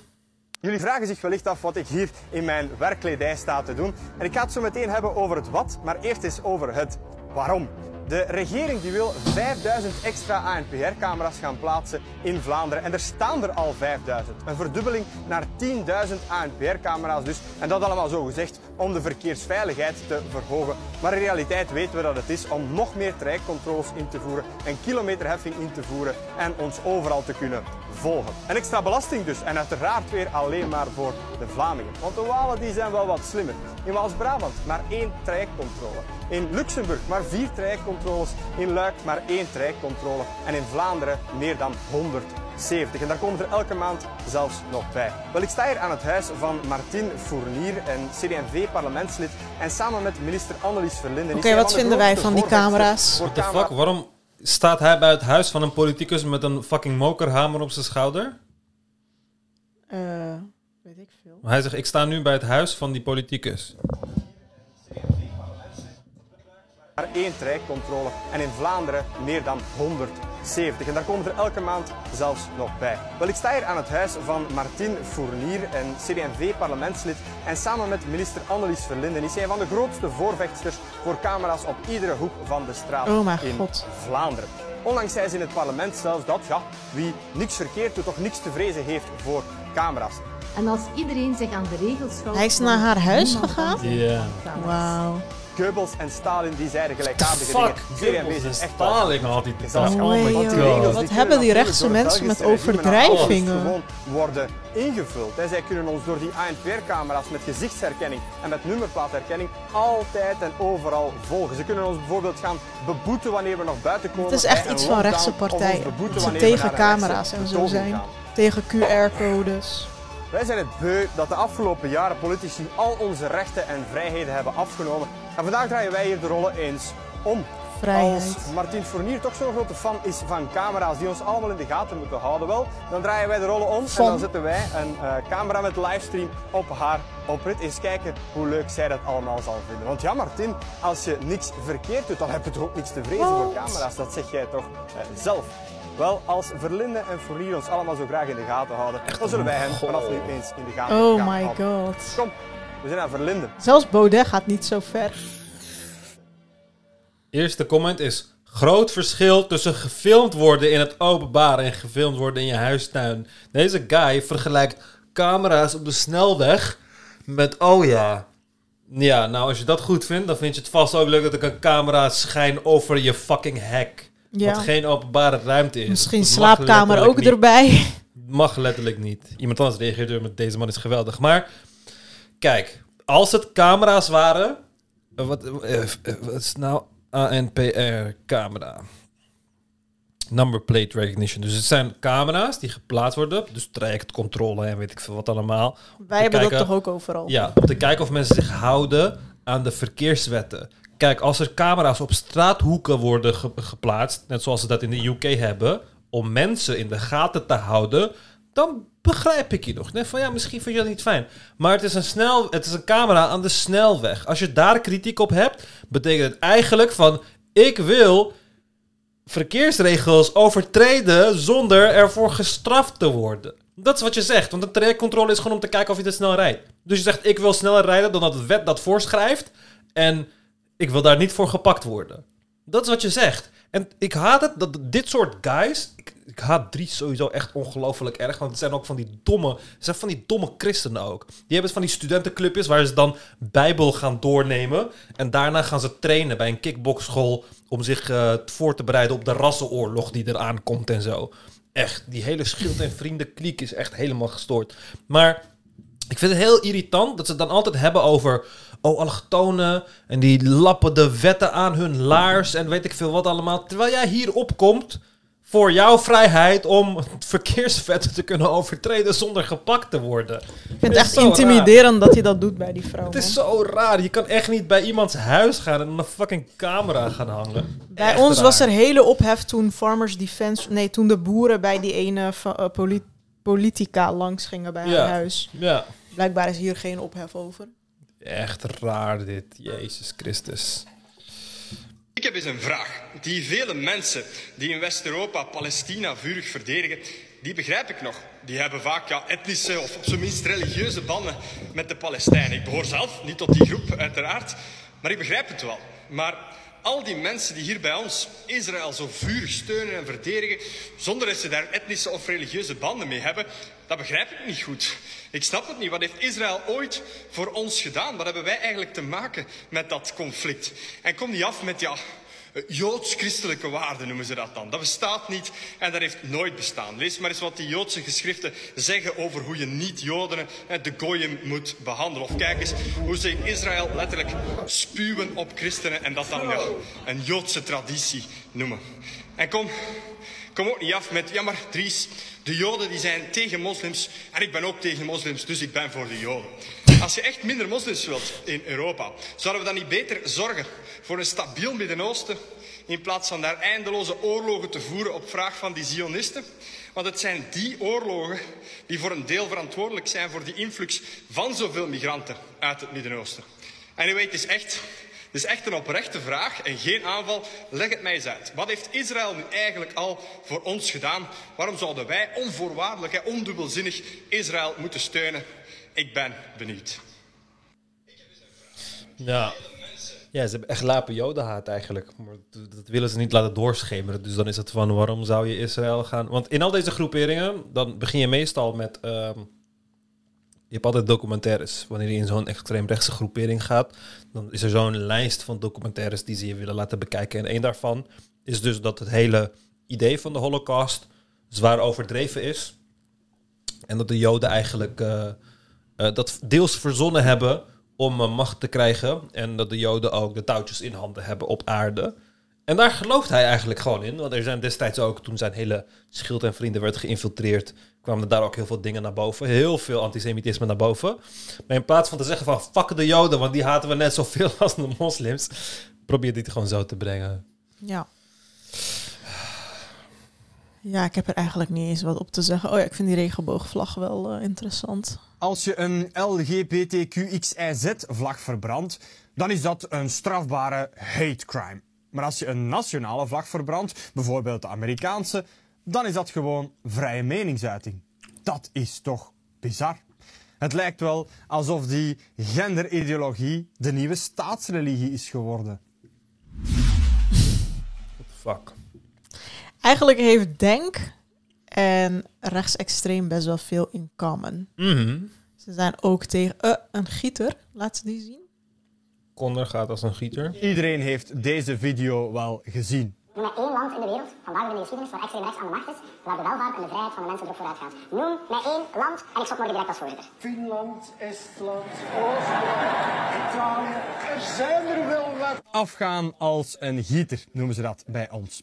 En er zijn trouwens nog ontelbare vele voorbeelden te geven. Denk maar aan bijvoorbeeld Polen en Hongarije, waar nationalisten een beleid voeren dat voor grote welvaart en fierheid zorgt. En trouwens, voor woke losers als Conor Rousseau is iedereen die zijn eigen volk op de eerste plaats zet en het verschil kent tussen een man en een vrouw extreem rechts. Dus dat zijn bijna alle landen ter wereld die extreem rechts zijn. Want ook in Turkije zetten ze Turken op de eerste plaats. In Marokko zetten ze de Marokkanen op de eerste plaats. En in India zetten ze de Indiërs op de eerste plaats. En gelukkig maar dat ze niet overal zo zot zijn als onze Belgische regering met haar eigen volk laatst beleid.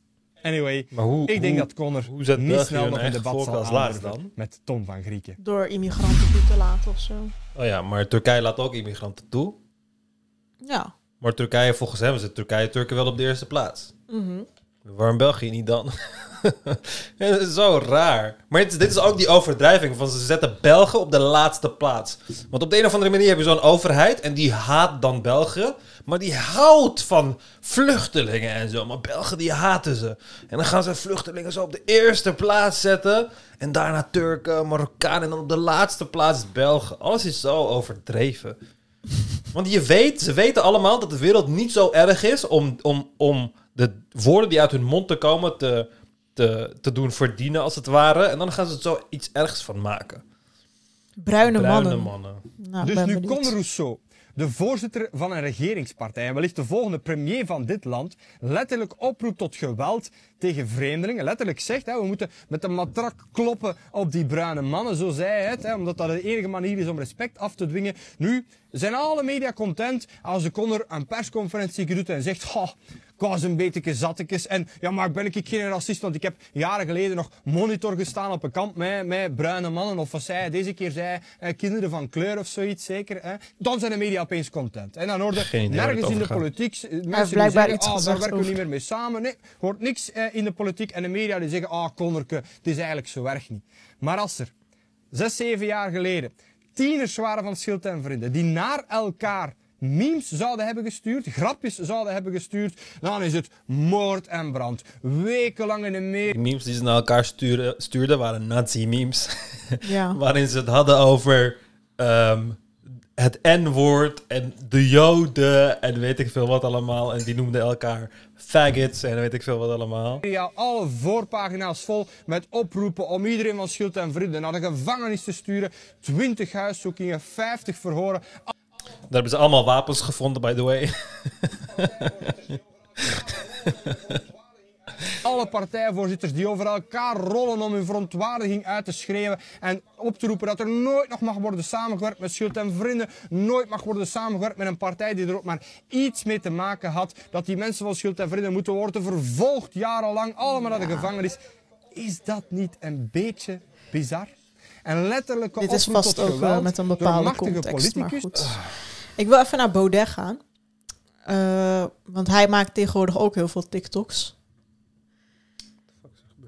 En dan wil ik bepaalde dingen van hem ook nog bekijken. TikTok.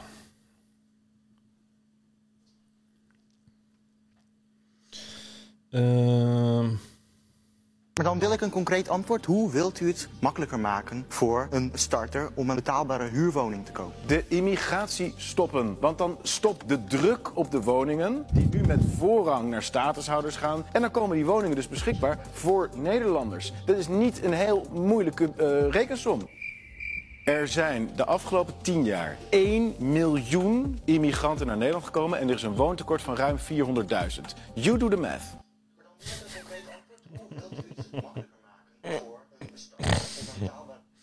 Het is echt, ik vind het echt jammer dat hij ook deze guy gebruikt. Oh, wat de fuck is er gebeurd? Hij gebruikt die guy sowieso voor elke TikTok nu. Ja, dat is echt gemeen. Ehm, nou, er is al meermaals gezegd dat eh, de woningcrisis niet komt door de vluchtelingen. En het is ook heel mooi om te zeggen dat er in de laatste tien jaar een miljoen vluchtelingen zijn bijgekomen zonder erbij te vermelden hoeveel mensen er ook zijn weggegaan. Maar eh, oké. Ehm, welke heb je nog meer? Is dit een chickie? Vind jij tanken ook zo vreselijk duur? Nou, ik hoor u denken, dat komt natuurlijk door de oorlog in Oekraïne. Maar dat is maar beperkt waar. Want meer dan de helft van wat je betaalt aan de pomp vloeit naar de staat. Dat komt omdat er zowel accijnzen als btw over brandstof worden geheven. Dat is dus belasting op belasting. Vind je nou ook dat het anders moet? Stem dan op 22 november op FVD. De fuck is zij dan? Oh, ze hebben gewoon een chick ingehuurd voor hun TikTok. Als campagne, zeg maar. Ze dachten, oh ja, ze is blond en knap. Economic Forum. Letterlijk op al hun foto's is gewoon... We krijgen informatie over de Nederlandse verkiezingen. Oh ja. Lancelot. Hoe kwam je op die naam? Dat is de mooiste, het mooiste ridderverhaal uit de koning Arthur-mythe. En waren jullie het meteen eens over die naam? Nee, nee, Oh. ik moest Davide echt uitgebreid overtuigen. We hebben allemaal ridderfilms gekeken en dingen dat langzaam maar zeker het beeld ontstond. En uiteindelijk heeft Richard Gere hij heeft haar overtuigd. Want die Ah. speelt in de film... De, Ja. eh, volgens mij heet die The First Night heet die film. Daar speelt, Speelt hij... Lancelot, eh, ja, ja. Lancelot dan in het Engels. En Toen eh, was ze toen, om, ja. toen kreeg ik er Ja. mee. Ja. Ja. Nou, ik, vind het nog, ik vind het een hele mooie naam. Zijn tweede naam is Romain.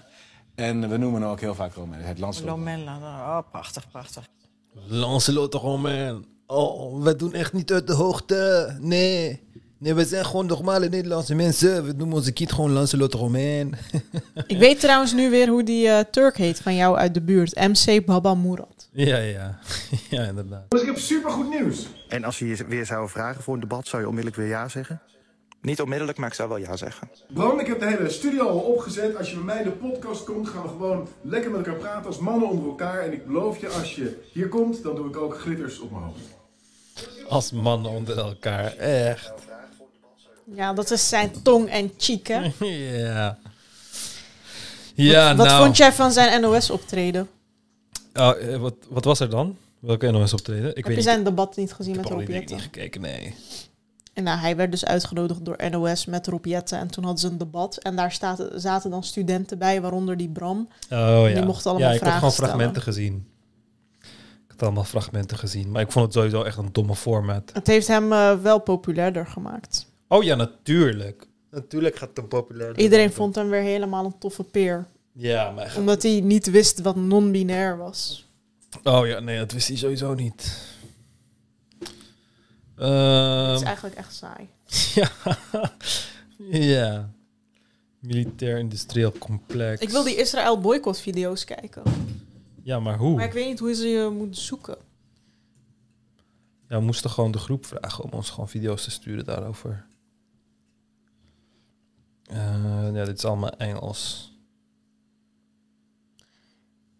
Ja, eigenlijk is dat ook saai. Nee, ik heb geen onderwerp.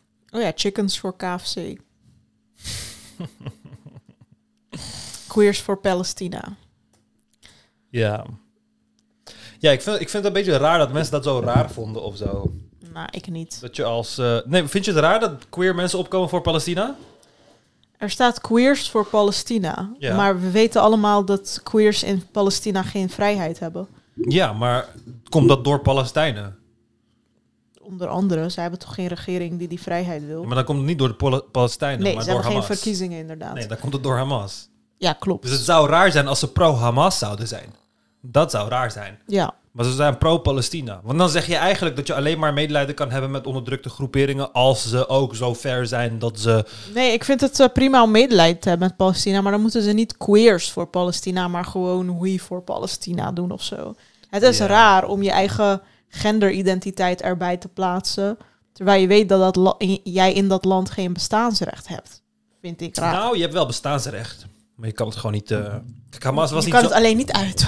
Ja, maar Hamas was niet zo erg als ehm, IS of eh, Iran of zo. Dat ze je gaan executeren als ze erachter komen dat je gay bent of gay dingen hebt gedaan. Mm. Weet je, Eh, Hamas was daar niet zo erg mee bezig.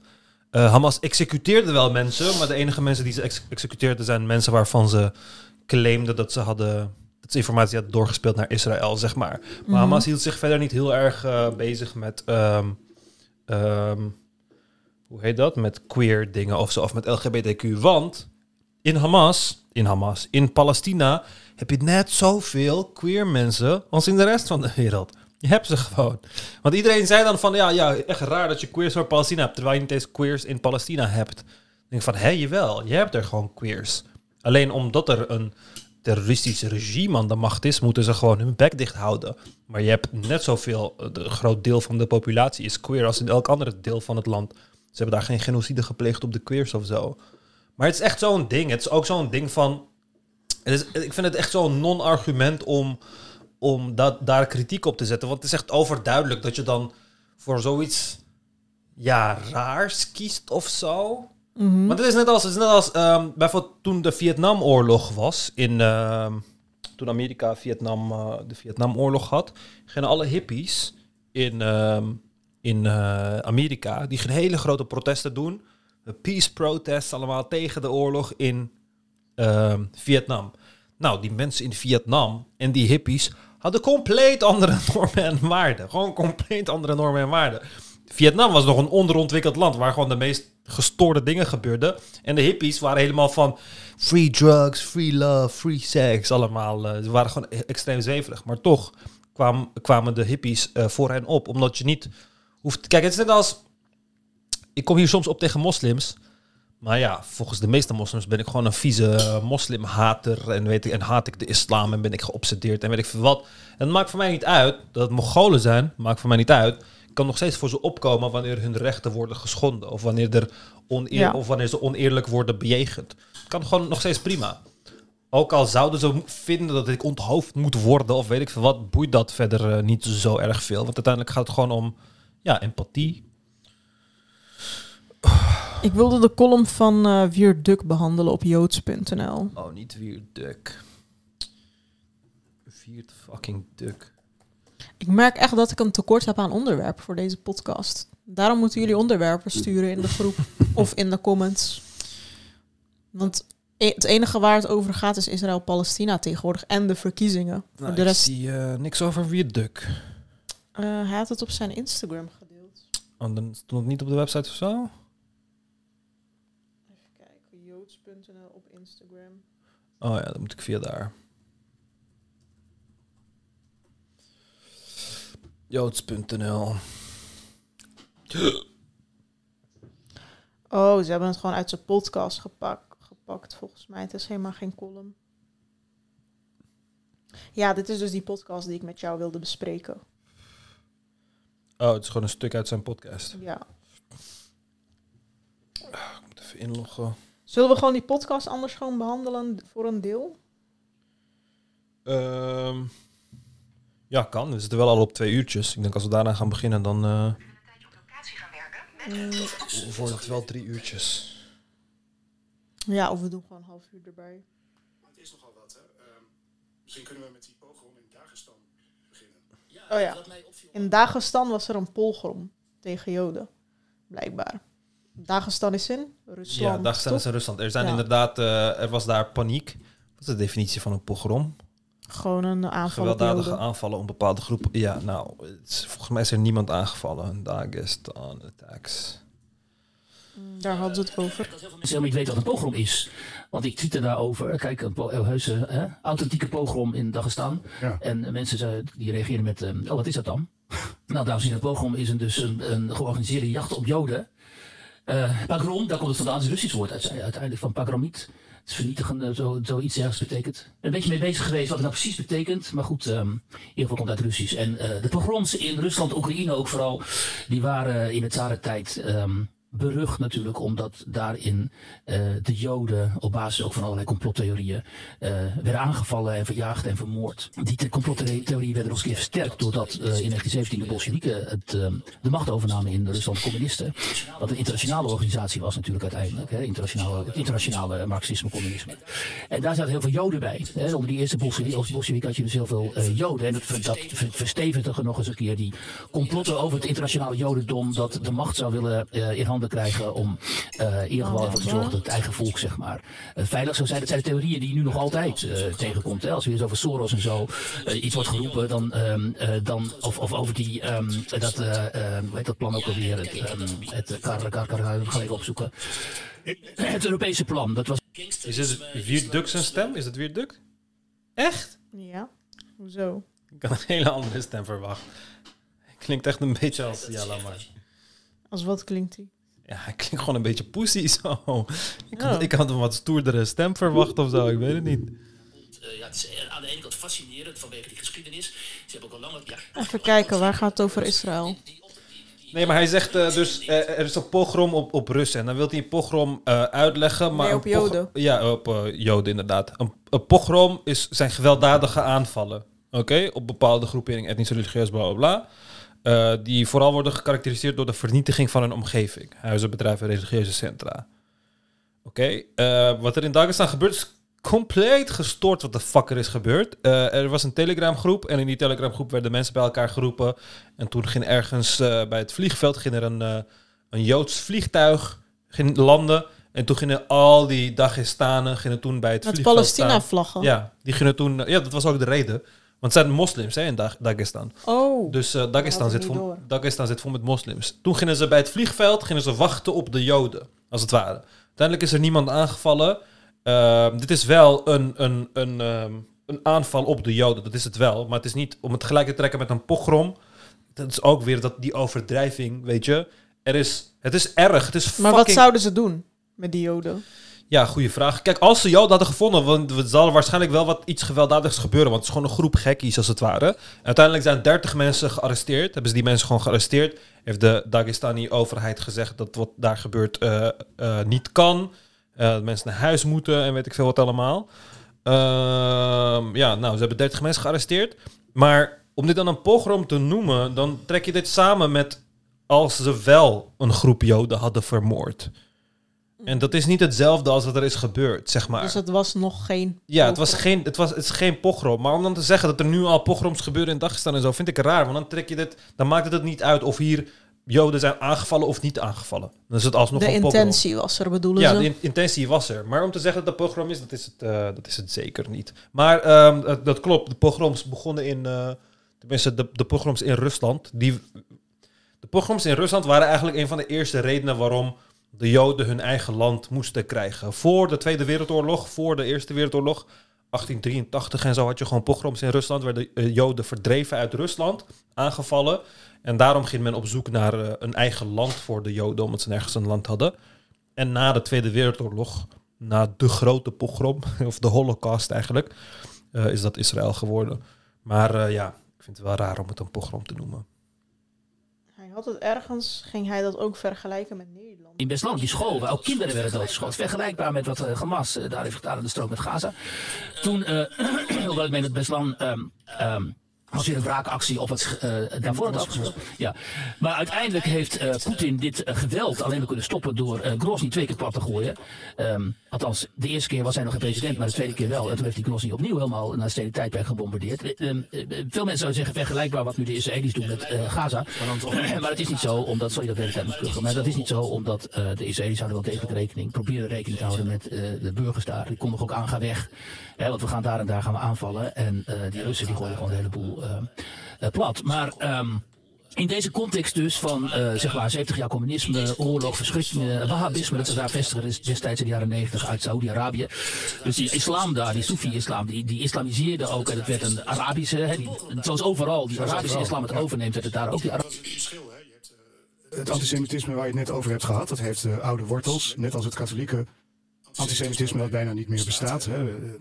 De de Joden als Jezusmoordenaar. Je hebt het antis- antisemitisme van de nazi's. En nu zitten we dus opgeschreven met de woke variant. Nou, we hebben de combinatie van islamitisch antisemitisme en de woke variant, die, die zich voordoet in de verschijning van een decolonisatietheorie. En die woke variant die komt erop neer dat de blanken, en de Joden zijn er ook blanken, die hebben zich over de wereld verspreid en daar gebieden gekoloniseerd, zoals wij Indonesië en Suriname, noem maar op. En de Britten grote gebieden en de Fransen. En die Joden, de Joden, die hebben dan na de Tweede Wereldoorlog, wat eh, Palestina zou hebben geheten, eh, gekoloniseerd, want ze zijn vanuit Europa daar naartoe getrokken. Dat klopt niet. En dat komt natuurlijk allemaal niet, omdat het, Joodse, het, het, het oorspronkelijke Joodse land lag daar natuurlijk al. Ik bedoel, eh, hallo, eh, Jeruzalem en koning David en zo, dat zijn allemaal historische feiten. Die, We hebben altijd Joden gewoond. daar hebben in die gebieden altijd Joden gewoond. Wat vind je van dit argument? Daar hebben daar, Wat altijd, nou? daar hebben daar altijd Joden gewoond. In Jeruzalem en zo. Dus er is niet sprake van een kolonisatie. Want dat land was al van hun. Ja, maar dat betekent dat Turken nu gewoon naar Centraal-Azië mogen en het daar mogen overnemen. Ja, precies. Dus dat is geen argument eigenlijk. Want, want Ja. dat betekent ook letterlijk, dat betekent dat eigenlijk kun je daarmee de verkrachting van Afrika goed praten, omdat alle mensen uit Afrika komen, dus kolonisatie bestaat niet in Afrika. Ja. Het is vrij dom. Het is vrij dom. Ja, alleen maar omdat het in de Bijbel staat, gaan Ja. we dat dan soort van... Ja, en andere volkeren hebben geen Bijbel waarin Wist je, dat. Israël, wist je dat Israël nummer 1 is eh, qua huidkanker in Noord-Afrika? Israël? Ja. Israël is nummer 1 qua huidkanker voorkomen in Noord-Afrika. Waarom? Omdat er heel veel witte Joden wonen die eigenlijk Europees zijn en hun huid helemaal niet is gemaakt voor Noord-Afrika. Echt fucking veel. Kijk, Noord-Afrikanen zijn over het algemeen donker, omdat ze beschermd zijn tegen de zon. De meeste Israëliërs komen uit Oost-Europa, Mm. waar je helemaal geen zon hebt. Zijn allemaal Oekraïnse Joden en zo. Dus, dus dat, daardoor zie je al dat het zo lang geleden is dat hun voorouders in, in Israël woonden, dat, hun, dat ze wit zijn geworden. Het zijn witte mensen geworden. Het zijn witte Hongaren en Oekraïniërs en weet ik veel wat allemaal. En die zijn dan allemaal naar eh, Israël gekomen. En dan is het van, oh ja, mijn voorouders waren hier al die tijd. Het is net zo absurd als dat mijn pa zegt... Ja, dat mijn pa een stukje in Somalië gaat innemen en dan zegt van ja, mijn voorouders waren hier. Ja, het klopt. Het klopt. Maar in de tussentijd en daarvoor waren er nog heel veel andere mensen. Want het is niet alsof Joden de eerste mensen waren in, in Israël of zo. Daarvoor had je ook weer andere mensen. Dus oké, is het dan van hun? Is het dan van die mensen? Gaat het om de eerste persoon die er was of zo? Het is heel raar. Die, die logica hanteren we letterlijk nergens. Gewoon helemaal nergens. Ja, dat maakt het wel inderdaad eh, niet consequent. Dus, hè, dus ehm, dat er een Joodse staat, nazistaat bestond, dat is natuurlijk niet zo. Maar er bestond evenmin een Palestijnse nazistaat. De hele term Palestijn is een construct. Hè, dat is een construct dat is bedacht door de westerse koloniale machten om aan die Arabieren die in dat gebied woonden een soort van eh, collectieve identiteit te geven. Ja. Ehm, maar alles wat je nu, nu hoort op straat en in die interviews waarin hele domme jonge mensen die dus gewoon kennelijk wel hoog opgeleid zijn, wat velen studeren aan de universiteit en zo, eh, geen, enkel, geen enkele historische kennis hebben van dat gebied.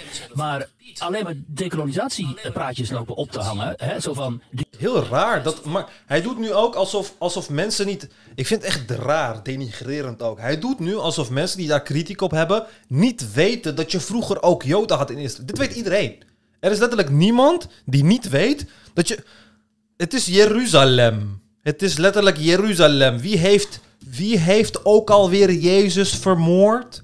Oh ja, de Joden. Oh, dat, hoort, dat weet iedereen. Gewoon letterlijk iedereen weet dat je vroeger Joden had in fucking Israël. Ja. Maar, maar dan zegt hij van, ja, al deze jonge podcastmakers, zo, die weten dat niet. En het gaat er niet daarom, het gaat er gewoon om dat het geen legitiem argument is om te zeggen van 3000 jaar geleden woonden mijn voorouders hier, dus het is nu van mij. Dat is Ja. geen legitiem argument.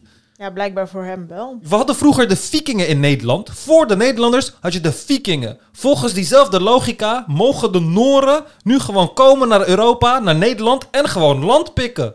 Volgens diezelfde logica, want hun voorouders waren er eerder dan de Nederlander. Nou, nou oké, waar woont Vierduk? Gaan we eerst zijn huis laten overnemen. Hij zegt ook Palestina bestaat niet. Dat is een construct van westerse kolonialisten.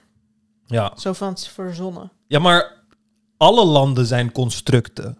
Ja, zoveel landen, ook in Afrika. Ja, maar Nederland ook. Is ook gewoon, hebben we- is, hebben we ook gewoon ooit verzonnen. We hebben ooit gezegd, dit is Nederland. En dan hebben we het gewoon verzonnen. Landen zijn per definitie altijd constructen. Misschien bedoelt hij niet door kolonisten. Ja. De Joden hebben dat gebied, eh, Sivade Simons doet het letterlijk, hè? De Joden hebben dat gebied gekoloniseerd. En, eh, en dit is een soort laatste fase van de dekolonisatie, die natuurlijk al in de jaren 60 en zo in- werd ingezet. Toen, toen wij weggingen, toen nou ja, Nederland vertrok uit Indonesië, werd daar weggejaagd.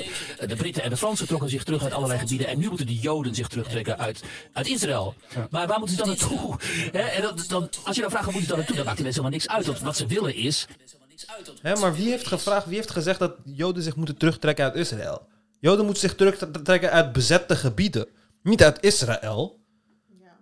Niemand heeft gezegd van, oh ja, hij de zegt Joden... dan, waar moeten ze naartoe? Nou, waar ze eerst waren, namelijk in Israël. Het is heel Ja, raar. Hij doet alsof ze daar niet passen of zo. Ja, maar het is heel raar. Dus, dus een... een Oké, dus de Noren hebben een klein stukje legitiem van Nederland. En vervolgens komen ze vier duks een huis overnemen. Zijn grond en alles. En vervolgens zeggen wij gewoon van... Ja, maar waar moeten ze naartoe? Ze wonen nu toch hier? Ze wonen nu op bezet gebied. Dus waar moeten ze naartoe? ja. Of hij bedoelt alle Joden, omdat sommige pro-Palestina mensen zeggen dat alle Joden. Oh ja, hij, hij zei, Sylvana Simons ziet het als een koloniale macht die daar weg moet. Dus dan bedoelt hij, oh, waar moeten de Israëliërs heen? Ik denk dat hij dat bedoelt. Ja, waarschijnlijk. gewoon 7 of 8 miljoen Joden die daar wonen, althans Israëli's, hè, daarvan zijn 2 miljoen Arabisch geloof ik, die willen ze gewoon dood. die willen ze gewoon de zee het op neer. Ja, bij mensen als Sylvana Simons is er niets. Sylvana Simons bedoelt hij. En iedereen die, wat hij noemt, woke pro-Palestina is en die Israël weg wil daar. Ja. Omdat ze tegen kolonialisme zijn. Te zien van een rassentheorie, maar het is dat frame van onderdrukkers en onderdrukte waar ze kennelijk ja. in, in verstrikt zit en dan tot dit soort eh, waanzinnige theorieën komt eigenlijk. Ja, en dat zie je dus wat er. Ja, dit gaat heel naar klinken. Maar daar zie je dus wat er dus gebeurt als mensen die niet opgeleid zijn, die niet eh, in hun jeugd en in hun jongvolwassenheid de, de boeken hebben gelezen, de gesprekken hebben gevoerd, de colleges hebben gevolgd, die niet een brede educatie hebben, die geen bieldoen hebben zoals de Duitsers dat zeggen, die dan toch eh, woordvoerder worden van een bepaalde beweging, allerlei theorietjes, theoretes eigenlijk, opdoen. Eh, en met een enorm aplomb van zelfbewustheid. Want ik ben die zelfbewuste, hè, in dit geval zwarte vrouw. Maar je kunt net zo goed zeggen, ik ben die zelfbewuste eh, blanke helper whitey, weet je wel. Eh, en dat over tafel brengen en dan ook niet worden tegengesproken. Want op het moment dat ze zouden kunnen worden tegengesproken, zit er niemand aan die talkshowtafels of zit er niemand tegenover hen bij de interviews om die tegenspraak te formuleren. Omdat of die mensen worden niet uitgenodigd. Hè? Ik mag dan af en toe wat zeggen bij Vandaag de Site, maar ik zit natuurlijk nooit meer bij, bij, bij hoe heet het? ik weet niet eens hoe die talkshows heten. Ehm, maar er zit ook niet iemand anders, maar ik, ik hoef het niet te doen, maar er zit ook niemand anders die het doet. Dus ze mogen daar maar tegenover schaapachtige presentatoren hun verhaaltjes ophouden en het publiek kijkt en denkt, oh, zit het zo? Ja, dan heb je dus de publieke, publieke opinie al heel snel gewonnen. En als je dan ook nog eens een keer eh, schaamteloos werkelijk dit soort, dit soort theorieën in de Nederlandse dagbladpers in de Nederlandse Welke theorie heeft hij het over? Ik snap het niet. Dat Israël een koloniale macht is die verdreven moet worden omdat ze koloniaal zijn. Ze zijn koloniaal, maar volgens mij... Dus wat Sylvana Simons en zo zegt, dat bedoelt hij. Ja, maar ik snap niet waarom het dan verdreven is. Dat, dat snap ik niet. Waarom... Omdat Sylvana Simons is echt tegen heel Israël. Ja, maar als Israël verdwijnt, hoeven de Joden toch niet te verdwijnen? Ze moeten toch ergens heen als Israël weg is. Ja, maar dat snap ik dus niet. Kijk, als Israël he- al het land wil. Israël wil al het land. Mhm. Dat is wat ze willen. Dan is er nooit het idee van, ja, maar waar moeten de Palestijnen dan naartoe? Jawel, dat zeggen de pro-Palestijnen. Hoe bedoel je? Dat, dat zegt toch ieder, ied- niemand die steunt dat Israël helemaal van Israël is, toch? Nee, ja, maar als ze dat willen doen, als ze Israël heel Israël willen maken, koppelt dat niemand dat aan een genocide op de Palestijnen of zo. Jawel, heel veel mensen doen Nee, dat. want er wonen nog steeds gewoon Arabieren in Israël.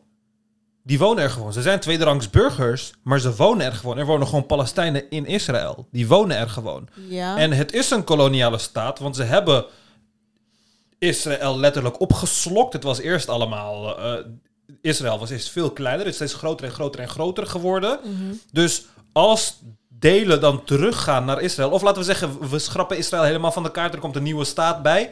En dat is dan een seculiere eh, eh, one state, als het ware. Mhm. Dan kunnen de Joden en de Israëliërs er gewoon nog steeds wonen. Joden Alleen en het- Arabieren bedoel je? Ja, Joden en Arabieren kunnen er gewoon nog steeds wonen. Alleen dan is het geen etno-religieuze staat meer. En dat is hetgeen wat de Joden willen. Want als het geen etno-religieuze staat is, Joodse staat is, dan is het voor Joden hetzelfde, voor Israëliërs hetzelfde alsof je basically de Joden vermoordt. Want dat is wat, dat is de, de overlevering, de, het, het, het, het, wat God aan hen heeft beloofd, is dat een etno-religieuze Joodse staat moet er zijn. Maar als je die wilt ontmantelen, zodat Palestijnen niet meer onderdrukt worden, staat dat niet gelijk aan mensen de zee in drijven of vermoorden. Ik zie dat constant terugkomen, maar ik heb echt. Ik hoor zoveel mensen zeggen het betekent ze de zee indrijven of dat ze allemaal weg moeten en zo. Maar ik heb gewoon nog nooit van iemand gehoord van ja, we gaan alle Joden de zee indrijven of zo.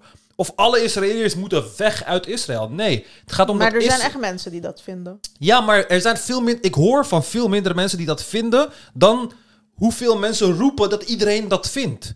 Want eh Sylvana Simons heb ik dat niet horen roepen, maar hij nee, zegt maar wel. die dat- zegt wel dat Israël gewoon een koloniale macht is die niet dat mag het. bestaan. Ja, maar het is een koloniale macht en heel veel delen van hun bestaan horen ook niet te bestaan, want het is een koloniale macht. Oké, dan Het- zeg je toch eigenlijk dat het weer Palestina moet worden? Ja, Ja, en dan zeg je dus eigenlijk... Want ik denk niet dat Palestijnen dan Joden willen in hun land. nee, maar ze niet. hadden al Joden in hun land. Maar ik denk dat ze dat nu niet meer willen. Of ja, ik weet niet. En dat de Joden dan daar weg moeten. Omdat het een koloniale macht is. Nou, ik denk, kijk, als Palestijnen dan Joden het land uit zouden zetten, dan zitten de Palestijnen ook fout. Dat lijkt me overduidelijk. Ik bedoel, niemand gaat het dan goed praten eh, eh, van ze. Maar als er een één-staat oplossing zou zijn, ik denk dat er genoeg Palestijnen zijn die het gewoon helemaal prima vinden om hun land met Joden te delen, wat ze letterlijk voor duizenden jaren hebben gedaan. Want daarvoor was het letterlijk zo. Je had gewoon heel veel Joden in Palestina. Het waren niet alleen maar moslims. Net zoals overal in het Midden-Oosten. Sterker nog, de reden waarom er zo weinig Joden zijn in het Midden-Oosten is het bestaan van Israël. Omdat toen Israël werd opgericht, alle Joden uit alle omringende landen naar Israël kwamen. En het Mhm. een stuk geconcentreerder was. Wat eigenlijk niet zo slim is als je wilt overleven. Maar goed. Ja, ik, eh, ik, kijk, ik ben het er volkomen mee eens dat Israël een koloniale staat is. Dat lijkt me vrij duidelijk. Maar om dat dan te koppelen, om kritiek daarop te koppelen als eh, eh, dat ze dan uitgemoord moeten worden of de zee in gedreven moeten worden, vind ik heel raar wanneer letterlijk. Nee, remigreren. Wanneer, wanneer letterlijk duidelijk is dat de enige groepering wiens land constant is afgepakt en wie constant is onderdrukt en wie constant dus bijna de zee in is gedreven, gezien ze een openluchtgevangenis aan de zee hebben gebouwd, letterlijk, en nu de woestijn indrijven, de Sinai-woestijn indrijven, daar, daar hoor je helemaal, helemaal niks over. maar nee, als Sylvana Simons zegt dat weet ik veel wie een koloniale staat is, dan is ze voor de genocide van de Joden of zo. Ja, genocide. Of sommigen zeggen ja, die Joden moeten gewoon remigreren. Naar waar ze oorspronkelijk vandaan komen en zo. Dus ja, dat is ingewikkeld, want iedereen vindt wat anders. ziet, uh, ziet, ziet gepubliceerd worden. Wie bedoel je dan? Nou ja, eh, van die hele deemoedige interviews met Sylvana Simons bijvoorbeeld. Maar ook natuurlijk eh, eerder met Extinction Rebellion, die zich nu hebben ontwikkeld ook tot een anti-Israël-beweging. Maar bijvoorbeeld ook een columniste als Marcia Luiten, die dan in de Volkskrant las ik een, een hele merkwaardige column schrijft. Waarin ze het Jodenhaat wil loskoppelen van de staat Israël. Dus Israël is schuldig, maar dit moeten we niet zien als de Joodse staat. Terwijl Israël is de Joodse staat. En dan vervolgens probeert ze zogenaamd het uh, opkomende antisemitisme, van het moderne antisemitisme waar jij net ook op leest. Dat gaat ze dan duiden en dan laat ze. Hey, dan, dan noemt ze dus uh, uh, Baudet en Orbán en nog een paar van die rechtspopulisten. En de hele islam laat ze weg. Laat ze gewoon weg. Nou, dat is dus, dat is dus kwaadaardig De gewoon. bedreigende variant, laat ze De kern van het huidige antisemitisme, wat een islamistisch antisemitisme is. Ja, omdat die in omvang veel groter is dan het rechtsextreme Nee, dat is helemaal eh, niet waar. Hè? antisemitisme. What the fuck? De meeste antisemitisme-theorietjes, conspiracy theories die op het internet afkomstig zijn, die zijn helemaal niet afkomstig uit Arabische of islamitische oorden. Nee. Uit, af, totaal niet. Zelfs de islamitische antisemitisme, eh, antisemitisten in Europa die Joden haten, die gebruiken daarvoor geen islamitische of Arabische antisemitisme content, want die bestaat nauwelijks. Ze gebruiken daarvoor gewoon al die documentaires eh, westerse documentaires van extreemrechtse groeperingen die het hebben over Holocaust was nep en de media is in de handen van de Joden en weet ik wat. Dat, zijn, dat is allemaal uit het Westen gekomen. Dat is letterlijk uit het Westen gekomen. En dan roepen ze de islamitische, de meest gevaarlijke, hebben de islamieten al die Joden vermoord. Hebben de islamieten al die Joden vermoord? Wie heeft ze vermoord? Motherfucking Europeanen toch? Westerse Europeanen Ja, ze toch? bedoelen zogenaamd nu in deze tijd is de grootste bedreiging vanuit de islam. Ik weet niet hoe ze daarbij komen. Volgens mij is nog steeds in de laatste honderd jaar zijn de meeste Joden nog steeds vermoord door letterlijk verlichte Duitse Europeanen. Echt raar. En antisemitisme is in opkomst in, in de westerse wereld. Niet in moslims of zo. Letterlijk, we hebben de laatste... Ook in moslims. Ja, maar het is niet, het is niet voornamelijk in moslims of zo. De is gewoon allebei. De laatste jaren, elke keer wanneer we hebben gestuurd op antisemitisme... in appgroepen en op tv en in podcastjes en zo... is het bar weinig is het steeds over eh, moslims gegaan. Over het algemeen is het gewoon extreem rechts geweest... die heel erg antisemitisch was. Ja, precies. Die populaties zo groot zijn. Weet je, ik bedoel, alleen al vanwege het feit dat er veel meer moslims zijn dan aanhangers van Forum Democratie of weet ik veel wat, wat voor rechtspartijen, maakt dat dat islamitische antisemitisme veel bedreigender is. En als je dat niet noemt, dan, dan ben je zo vreselijk te kwade trouw. En als je dan Orbán notabene, is van alles aan te merken op, op Orbán, de rechtsstaat enzovoort. Maar je kunt niet zeggen dat Joden daar niet vrij over straat kunnen. Ik was deze zomer nog in Boedapest, je ziet daar allemaal orthodoxe Joden ook. Maar wie heeft gezegd dat ze niet veilig over straat kunnen dan? Kijk, iemand heeft kritiek op Orbán vanwege zijn jodenstandpunt. En dat klopt. Orbán heeft gewoon heel veel antisemitische uitspraken. Heeft iemand daar kritiek op? En dan zegt hij van... Ja, maar joden kunnen wel vrij over st- straat in Hongarije. Ja, maar niemand heeft gezegd dat ze dat niet kunnen. Niemand heeft gezegd dat ze dat niet kunnen. Het is letterlijk alsof je dan zegt van... Oké, nou, dan is er ook geen antisemitisme in Nederland... want joden kunnen op, op, over straat. En nu? Het is zo raar. Het is echt zo'n rare manier van eh, argumenteren. Jezus. Zo van als je veilig over straat kan, dan kan je eigenlijk niks zeggen over antisemitisme. Ja, het is heel raar. lopen. Als je die, eh, de Israëlische pers eh, volgt, dan zie je hoe lovend ze zijn over ehm, eh, Hongarije als een soort nieuwe vrijhaven voor de Europese Joden. Als je dan hem gaat beschuldigen van het aanwakkeren van dit antisemitisme, in wat voor wereld leef je dan? En dit zijn gewoon, eh, ik bedoel, ik zal er niet over, over opwinden, als dit niet de dagelijkse kost was die mensen via de NPO, via die mainstream media, zoals dat dan heet en zo, eh, wordt gevoerd. En eh, het, het, het, gaat zo het zit in het DNA van die mensen. Hè? Als je, ehm, natuurlijk reageerden allerlei politici ook op, dat, op die pogrom daar in uh, daar gestaan. En dan zie je zo'n zo'n politica, Tweede Kamerlid van, eh, van de Partij van de Arbeid, Piri, die dan schrijft, eh, die helemaal bloos en zo verontwaardigd. En die zegt, er mag geen plek zijn voor jodenhaat en moslimhaat. Ja, alsof daar sprake van is. Moslimhaat in Dagestan, in, Dagestan eh, daar, daar, daar heerst de sharia. Welke moslimhaat? Ik bedoel, als je daar niet, de, als je als vrouw Sharia je daar niet geldt eh, Sharia geldt niet in Dagestan. Ik ben het wel met hem eens zijn- dat, eh, ja, moslimhaat heeft daar helemaal niks Ja, te zoeken. Dus dat, hou dat er 100%. gewoon buiten. Maar om te roepen dat er sharia geldt in Dagestan... Kijk, daarom, dat, hij zegt ook niet dat er 30 van die mensen zijn gearresteerd. Dat heeft hij er helemaal niet bij ver- vermeld. Want dit is gewoon een pogrom. Eh, omdat er sharia geldt. En dan luister je naar zo'n motherfucking vierduk als 60-jarige boomer. En dan denk je, ja, in Dagestan vallen ze joden aan, want daar heb je sharia. Is helemaal Ja, niet waar. Maar het is wel hoe hij het vertelt. Maar daar geldt dus geen sharia. Nee, in Dagestan, heb, je daar geen, eh, in Dagestan heb je geen sharia law. Nee. Waarom zegt hij dat dan? Hoe komt hij daarbij? Islamic Jamaat. Ehm, Of heb je het wel in een deel misschien? nee, je had een Sharia Jamaat was, a Isla was an Islamist jihadist group based in the Russian uh, uh, Republic of Dagestan. Maar die zijn dus weg of zo. Ja, dat is super lang. Super lang geleden.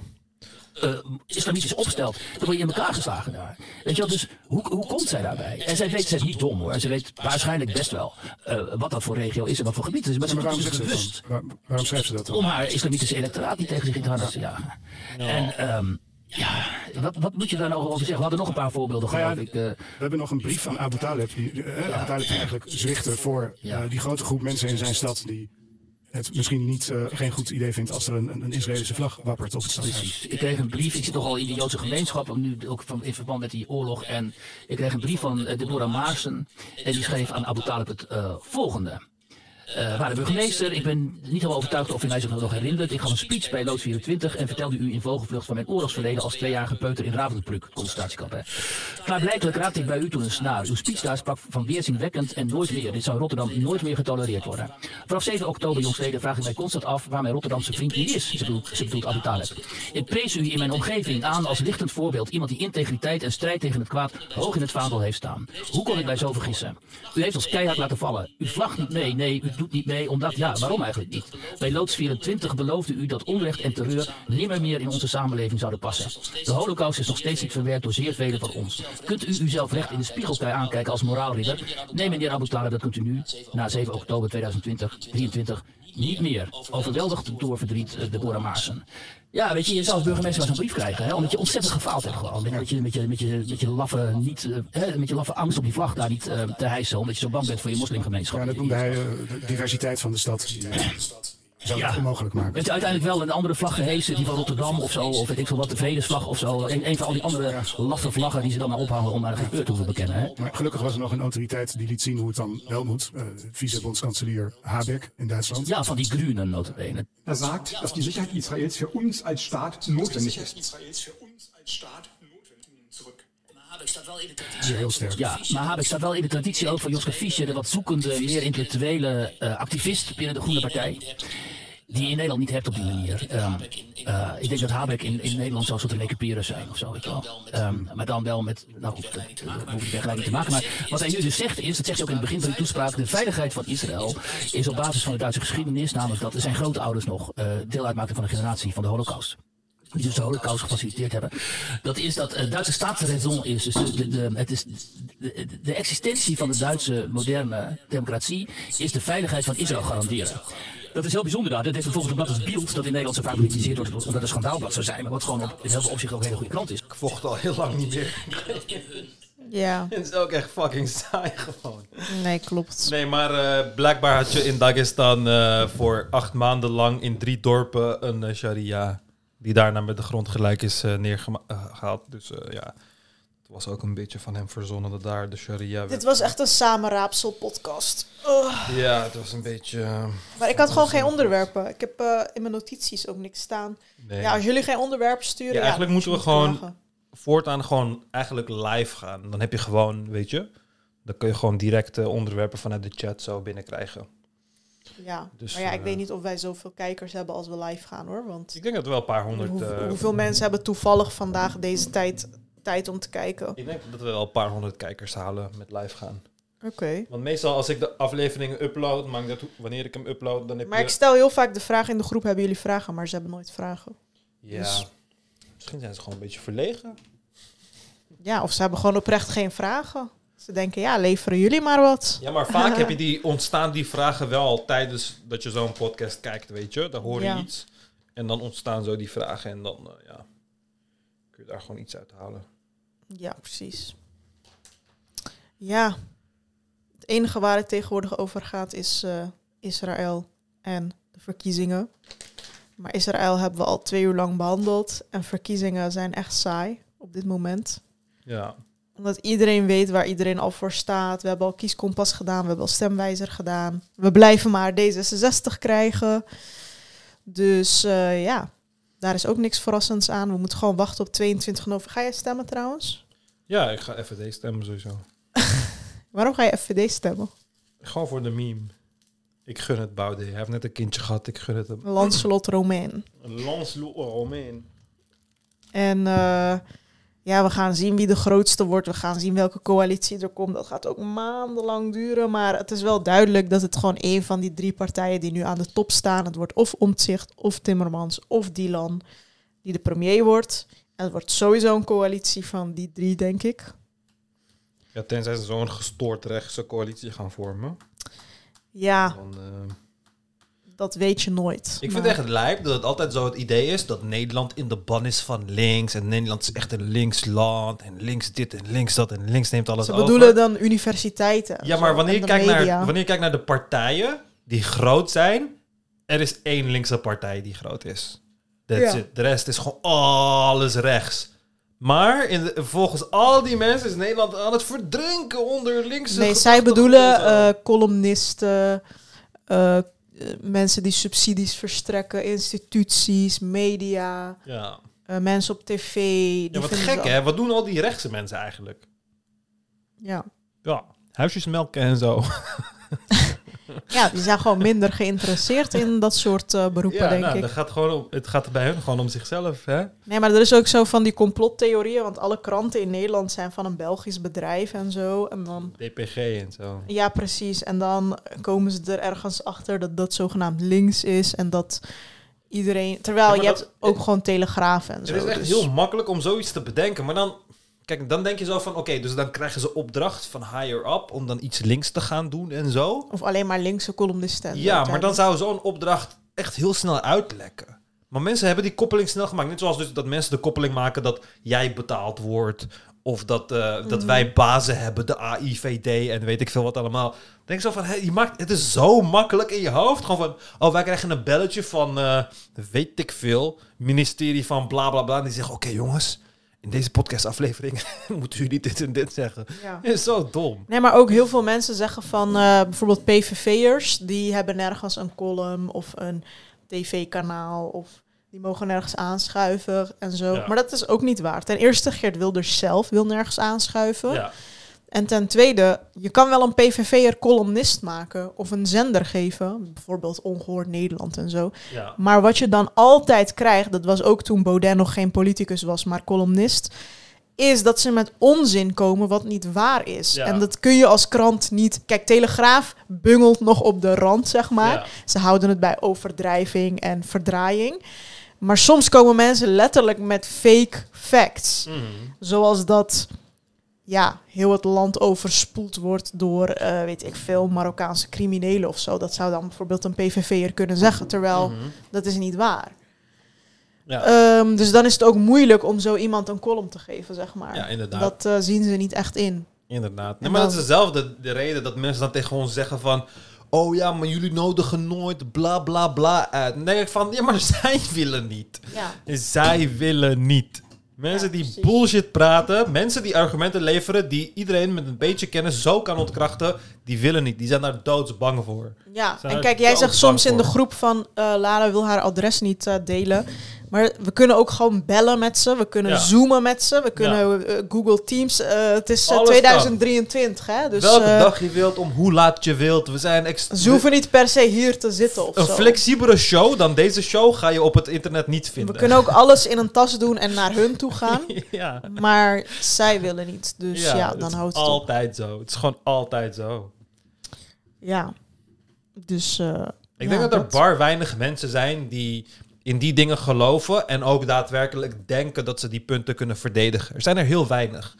Dat is met al die dingen ook zo. Bijvoorbeeld al die, ehm, al die argumenten van ehm, die imam bij eh Salah ad-Din of, ehm, of Ismail Ilgun en zo. Het zijn, het zijn echt hele slechte argumenten.